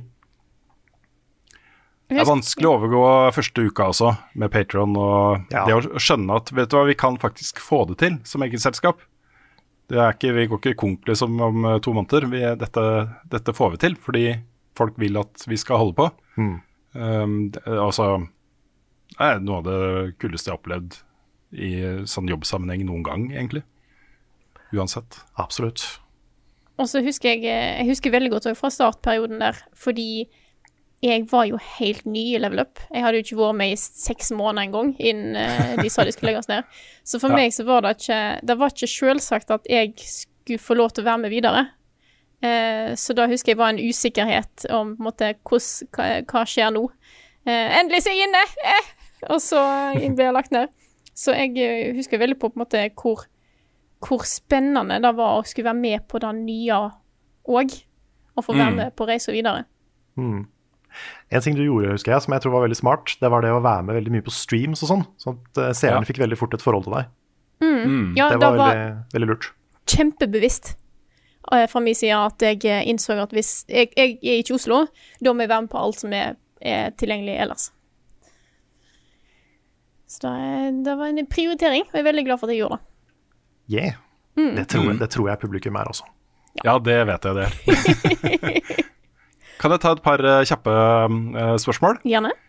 Eh, Et her fra Markus Steen, som egentlig er mer en anbefaling. Uh, han skriver da spilte et, en ukjent perle i helgen som nettopp hadde blitt lansert 10.2. Det heter No By Heart og er et uh, kort spill på ca. fem timer. Uh, og lurte på da om noen av oss har sjekka det ut. Kan i så fall anbefales. Eh, og så skriver også da, uh, så vil jeg bare si, for noen fantastiske topp 10-lister dere har lagt ut, fikk flere spilltips der. Hashtag gutta folkens. Takk for det. Det gjorde jeg også, så det er veldig hyggelig. Ja, same. Mm. Men uh, jeg har, tok en kikk da på No, no By Heart, eh, og det ser jo ut som et level up-spill. Oh. Det er litt sånn derre Night in the Woods-vibber. En vennegjeng som reunites på hjemsteden, og så skjer det litt mystiske ting der. Uh, videre. Et, et, et, pek og klikk adventure-spill så det ut som, med litt, litt sånn action-elementer. Men um, det skal vi få se på når uh, alt støyen rundt Horizon og Elden Ring og Grand Turisme 7 og, så videre legger seg. Så takk for tipset, Markus. Og så bare en kjapp, uh, kjapt uh, anbefaling til uh, Red Panda Bear, som spør da um, skriver, Da jeg leste anmeldelsen din av Returnal, nevnte du at spillet ga deg assosiasjoner til noen av dine største favoritter fra andre medier, bl.a. Uh, da House of Leaves, som er en utrolig bra bok. ass. Utrolig bra, bra bok, Den er kjempebra. Uh, dette fikk meg til å plukke opp House of Leaves, og det ble en fortelling jeg gikk og tenkte på konstant, både mens jeg leste den, men også i ukevis etter. Så spørsmålet mitt er om du har andre tips til bøker som bringer fram den, den kullsorte klumpen i mellomgulvet. da har jeg ett tips, jeg har sikkert mange, men det er ett som jeg har lyst til å, å uh, komme med. Og Det er uh, to bøker av en britisk forfatter som døde i fjor. Altfor tidlig, liksom. Mo Hader. Uh, hun har en serie om en uh, politietterforsker som heter Jack Caffery. og da særlig de to første bøkene her, 'Birdman' og 'The Treatment'. De, jeg kan fortsatt, Det er mange mange år siden jeg leste de to bøkene. De kom ut i 2000 og 2001. Det skjer i dag at jeg husker den der følelsesmessige punchen de bøkene ga meg. Uh, og den er litt sånn altså Det er mer uh, det, det, er vondt, men det er, det er bøker også. Det er bøker, de, Særlig de to er uh, fantastiske. Og også fra samme forfatter, Pig Island. Pig Island, også litt sånn. Så da har jeg fått gitt det tipset. All right. Kan jeg ta et kjapt spørsmål her til? Gjerne, gjerne. Mm. Det er til meg fra Jon Magnus Restad. Han spør hvis du aldri hadde fått jobben i Level Up, hvor hadde du vært, og hva hadde du gjort i dag? Nei, i en uh, rennestein på utkanten av Oslo? Nei da, jeg aner ikke. Jeg har, før jeg begynte i Level Up, så drømte jeg om å enten jobbe med film og TV eller spill. Det er det jeg har utdannelse i. Uh, begge deler. Litt animasjon litt sånne ting. Så forhåpentligvis noe relatert til det. Men jeg føler jo sånn sett at Level Up er drømmejobben, fordi da kan jeg jobbe med alle tinga samtidig, på en måte. Mm. Så, jeg føler også det er drømmejobben. Ja. Jeg kjenner på det hver dag. I know. Spesielt Yes, når du får tidlig tilgang til Elden Ring. Kanskje litt spesielt da, ja. Kanskje litt spesielt, da. Ja. Ja, noen av oss, uh, ja. Mm. Det er helt greit. Sorry. Nei da, det går bra. Det går bra. Men uh, nei, jeg, jeg føler jeg er på riktig sted. Og jeg, jeg vet ikke hvor jeg hadde vært. Det er veldig vanskelig å se for seg. Mm. Kan jeg ta et Jeg har et spørsmål Ja, du du kan ta et, Frida. Yes, Da tar jeg et spørsmål her fra Not Impressed, som skriver Hei, det ble mye oppstyr når, når Sony informerte om at de skulle stenge butikkene til PSP, Vita og PS3. Om ett år stenger Nintendo butikken for Wii U og 3DS. Eh, det er et par spørsmål her, så jeg bare leser opp alle tre. Eh, vil en forvente det samme oppstyret her? Hvorfor slash hvorfor ikke? Kan Nintendo snu i saken? Og er det noen perler som vil bli borte med nedleggelsen av butikken for Wii U og 3DS?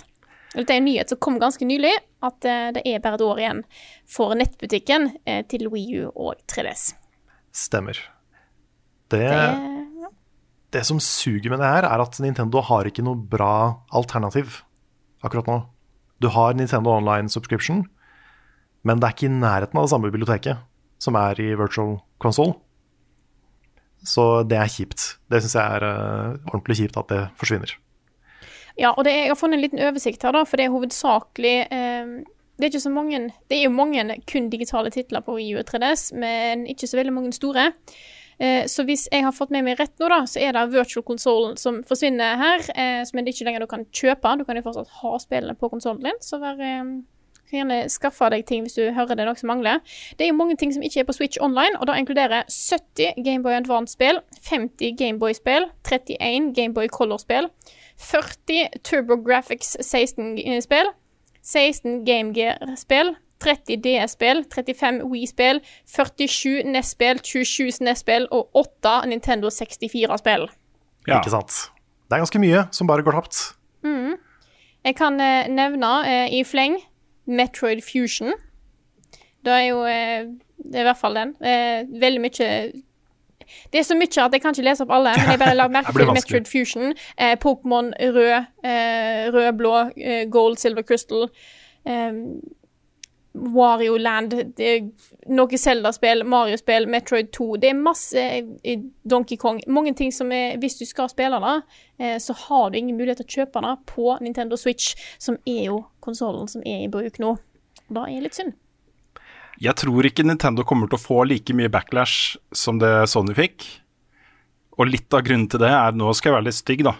Um, men historien har vist oss at Nintendo-fansen er mer enn villig til å kjøpe samme spillet om igjen og om igjen til nye plattformer når det kommer i nye versjoner og er tilgjengelig på nytt og er på nye plattformer og den type ting.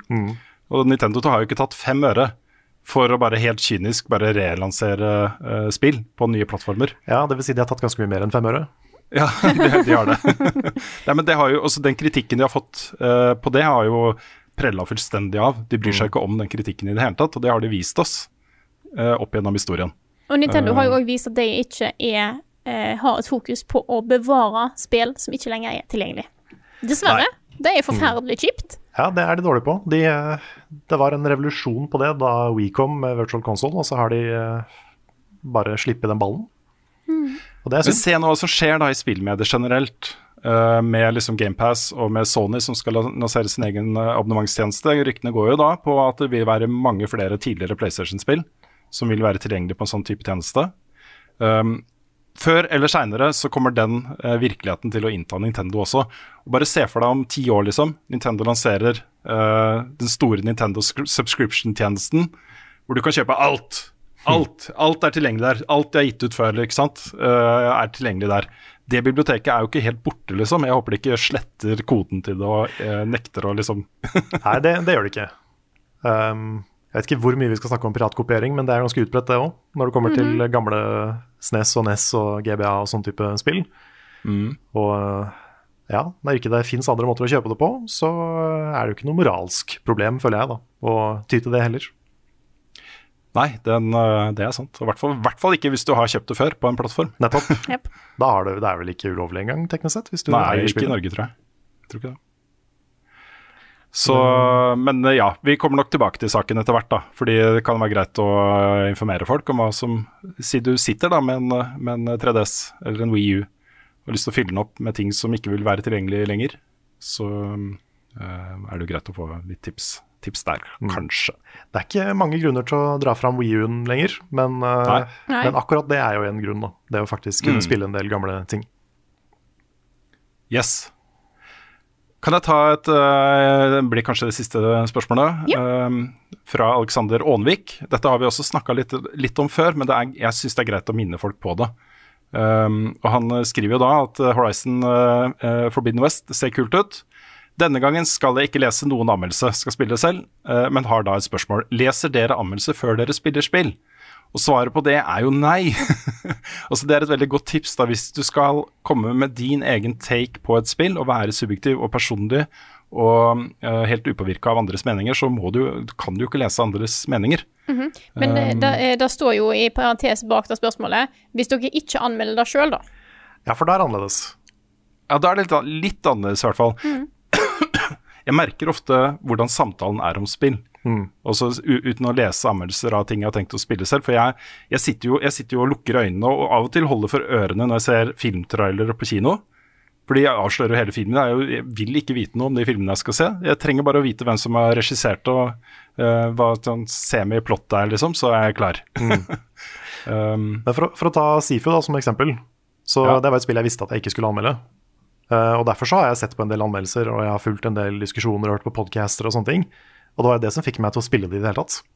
mm, Så der kan jeg konsumere en god del av andres ting. mm. Men jeg holder meg jo, hvis jeg skal anmelde et spill, så holder jeg meg jo helt unna. Jeg søker jo ikke opp eh, scores og sånt. Det er litt vanskelig når jeg sjekker NRK. Der står det bare sånn Ja, Horizon, dette gir Rune. Ja, Horizon, dette. Og så, så driver folk og poster dette, syns jeg, om Horizon på Twitter. Og det er sånn, ja, dette ja, for du, du, du, klarer ikke å skjerme deg helt. Nei, ikke, ikke i 2022, liksom. Det går ikke. Men uh, du kan i hvert fall så, så, langt du klarer, da. Ikke lese for mange andre hot takes, på en måte, før du formulerer dine egne. Og når f.eks. Rune nå snakker om hva han syns om Horizon i podkasten, så kan ikke jeg bare sitte her og bare le-le-le-le-le-le-le-le. Det er Ja. Noen ting er umulig å unngå. Mm. Jeg har ikke tenkt å stoppe Rune for å snakke om Horizon i podkasten. Nei, ikke sant. Og så er det jo sånn at eh, spill er, eh, er eh, polariserende. De er divisive. Og det er jo ikke et mål at man skal mene det samme. Det er, jeg føler Nei. veldig ofte så er det mange som tenker det, at målet er å finne liksom den riktige meningen. Men det er ikke sånn det funker. Det, er, det må være et mangfold av meninger, og det må være lov å mis mislike og like forskjellige ting. Så, Mm. Og det er viktig for oss òg. Så det er ikke sånn at hvis eh, en av oss mener noe, så streber vi andre etter å mene det samme. Absolutt ikke. Det er bare å se på kranglinga mellom Nick og meg på Returnal, det. Ikke sant? og det er, det er jo en krangel med full respekt for den andres meninger. Så Det er det, og det, sånn skal det være. ja. Men jeg kan gjerne òg se Jeg har ikke noe problem med å se anmeldelser av et spill før jeg sjøl skal spille det. Nei, det har, det har ikke jeg heller. Det har ikke jeg heller. Hvis jeg bare skal spille for kos, så kan jeg se på whatever. Ja, samme her. Og det, det handler jo litt om at jeg, jeg stoler på I hvert fall de uh, anmelderne jeg eh, vet hvem er, da, og stoler på. Jeg vet at ikke de kommer til å spoile viktige plot-twister og den type ting. For det er jo det jeg er liksom um, Ofte da, fra disse filmtrailerne så kan du jo eh, se på en måte hele sluttscenen. Uh, og vite hvordan de kom seg dit, fordi det har du jo også sett i traileren, ikke sant? Eh, mer eller mindre vite hvordan det kommer til å gå til slutt. Det, er- det vil jeg ikke vite. Nei. I det hele tatt. jeg, jeg har youtubere der jeg eh, vet at eh, OK, disse lager kule videoer, men de har ofte med mer av De har en lavere Høyere? Hvor er grensa på toleranse her? Eh, de bryr seg ikke like mye om spoilere som da jeg gjør. Lavere terskel. Ja. Så da, de har lavere terskel for å spoile ting. Der er Mm, mm. sånn er setningen. Så da vet jeg at OK, hvis de har lagd en video på dette, da ser jeg ikke jeg den før jeg har kommet gjennom spillet. Mm. Men jeg har blitt veldig glad i spoilercasts av spill jeg har spilt ferdig sjøl. Ja, jeg også. Det er jeg fan av. Ja. Og hvis noen har det sånn spør, back- ja, det kommer til å komme en Elden Ring spoilercast. Ja, å Det gjør nok det. det, gjør nok det. Garantert. Den kommer til å bli fem timer lang. Nei, vi har en hel sånn backlog av uh, montasjepodkaster, sånn spoilercasts av uh, filmer. Neste jeg skal høre på nå, er eh, eh, verdens verste menneske-podkasten de lagde. Som jeg har liksom, Ja, ja. gått og spart da, til jeg har sett den selv. Ja, nå har jeg sett den, jeg òg. Da må jeg finne en spoilercast. Mm, ja, den eh, tror jeg er veldig bra. De er så gode altså, på å løfte diskusjonen om spill på norsk. Jeg setter pris på det. Altså. Spill eller film? Film, film, film. film, film, film, film, film, film, film. Ja, nei, men det er noe med sånn Jeg vet ikke nøyaktig hvorfor, men det er noe med å liksom bare høre diskusjoner av noe du har opplevd sjøl, og liksom bare f få litt sånn mer ting å tenke på basert på hva andre snakker om også, liksom. Mm. Så jeg bare setter pris på det. Mm. Men baksida det er jo, er jo liksom den der FOMO-følelsen. da At sånn, Å, nå har det kommet en spoilercast på det, da må jeg se det, og få med det, og da må jeg få med det. Du kan bli stressa av det òg. Ja. Oh, nei, det er, det er noe med å høre andre plutselig formulerer mine egne tanker bedre enn jeg har klart å sortere dem ennå. Ja. Det har jeg litt sansen for, altså. Da blir man sittende og så bare Ja, det er helt riktig! Altså, Yes! Jeg Det er det som er greia med podkaster, da. Ikke sant? Du er jo litt med på samtalen, på en måte. Ja. Det er det bildet av en person som sitter og spiser ris og ler ved siden av tre, en plakat av tre andre som spiser ris og ler. Og med, med det så håper jeg dere alle sitter nå og spiser is og ler. Yes. Eh, I dag vi runder denne podkasten her. Dette her er Level Backup og utgitt av Moderne Media. Låten i introen og outroen er skrevet av Ole Sønnek Larsen og arrangert og framført av Kyosho Orkestra. Vignettene er lagd av fantastiske Martin Herfjord. Du finner mye mer innhold fra oss på youtube.com slash levelupnord og twitch.tv slash levelupnord. Der finner du òg opptaket fra streamen vi hadde på tirsdag. Så da er det bare til å hoppe inn der og eh, check look hvis det var noe du eh, ikke fikk med deg, f.eks. Åh, jeg gleder meg sånn til å fortsette Inscription med den Ja, dekken det, eh, må som vi, det må vi gjøre. Den må vi gjøre på stream. Ah, mm. det er en stream, altså. Vet at Sondre også jobber med en highlight fra tirsdagen. Åh, Sondre, du er, du er fantastisk. Du er maskinmann. Å, oh, herregud. um, hva var det jeg skulle si da? Jo, eh, gå inn på discord.gg eh, slash levelupnorge og bli med i discorden vår. Da er veldig, veldig hyggelig stemning der. Vi har òg en merch-shop. Levelupnorge.myspreadshop.no. Og støtt oss gjerne på patreon.com slash levelupnorge om dere har lyst til å støtte oss og bidra til at vi kan fortsette å lage innhold på, eh, på denne kanalen her. Uten dere så hadde det ikke blitt en, en eh, Soulsborne anmeldelsessaga. Eh, Nei, det hadde ikke det. Det hadde ikke Nei, det. hadde ikke Hadde det. ikke det, altså. Så vi setter pris på dere, og at dere, at dere liker innholdet vi lager, og at dere har lyst til å eh, hjelpe oss på, på denne reisa vår.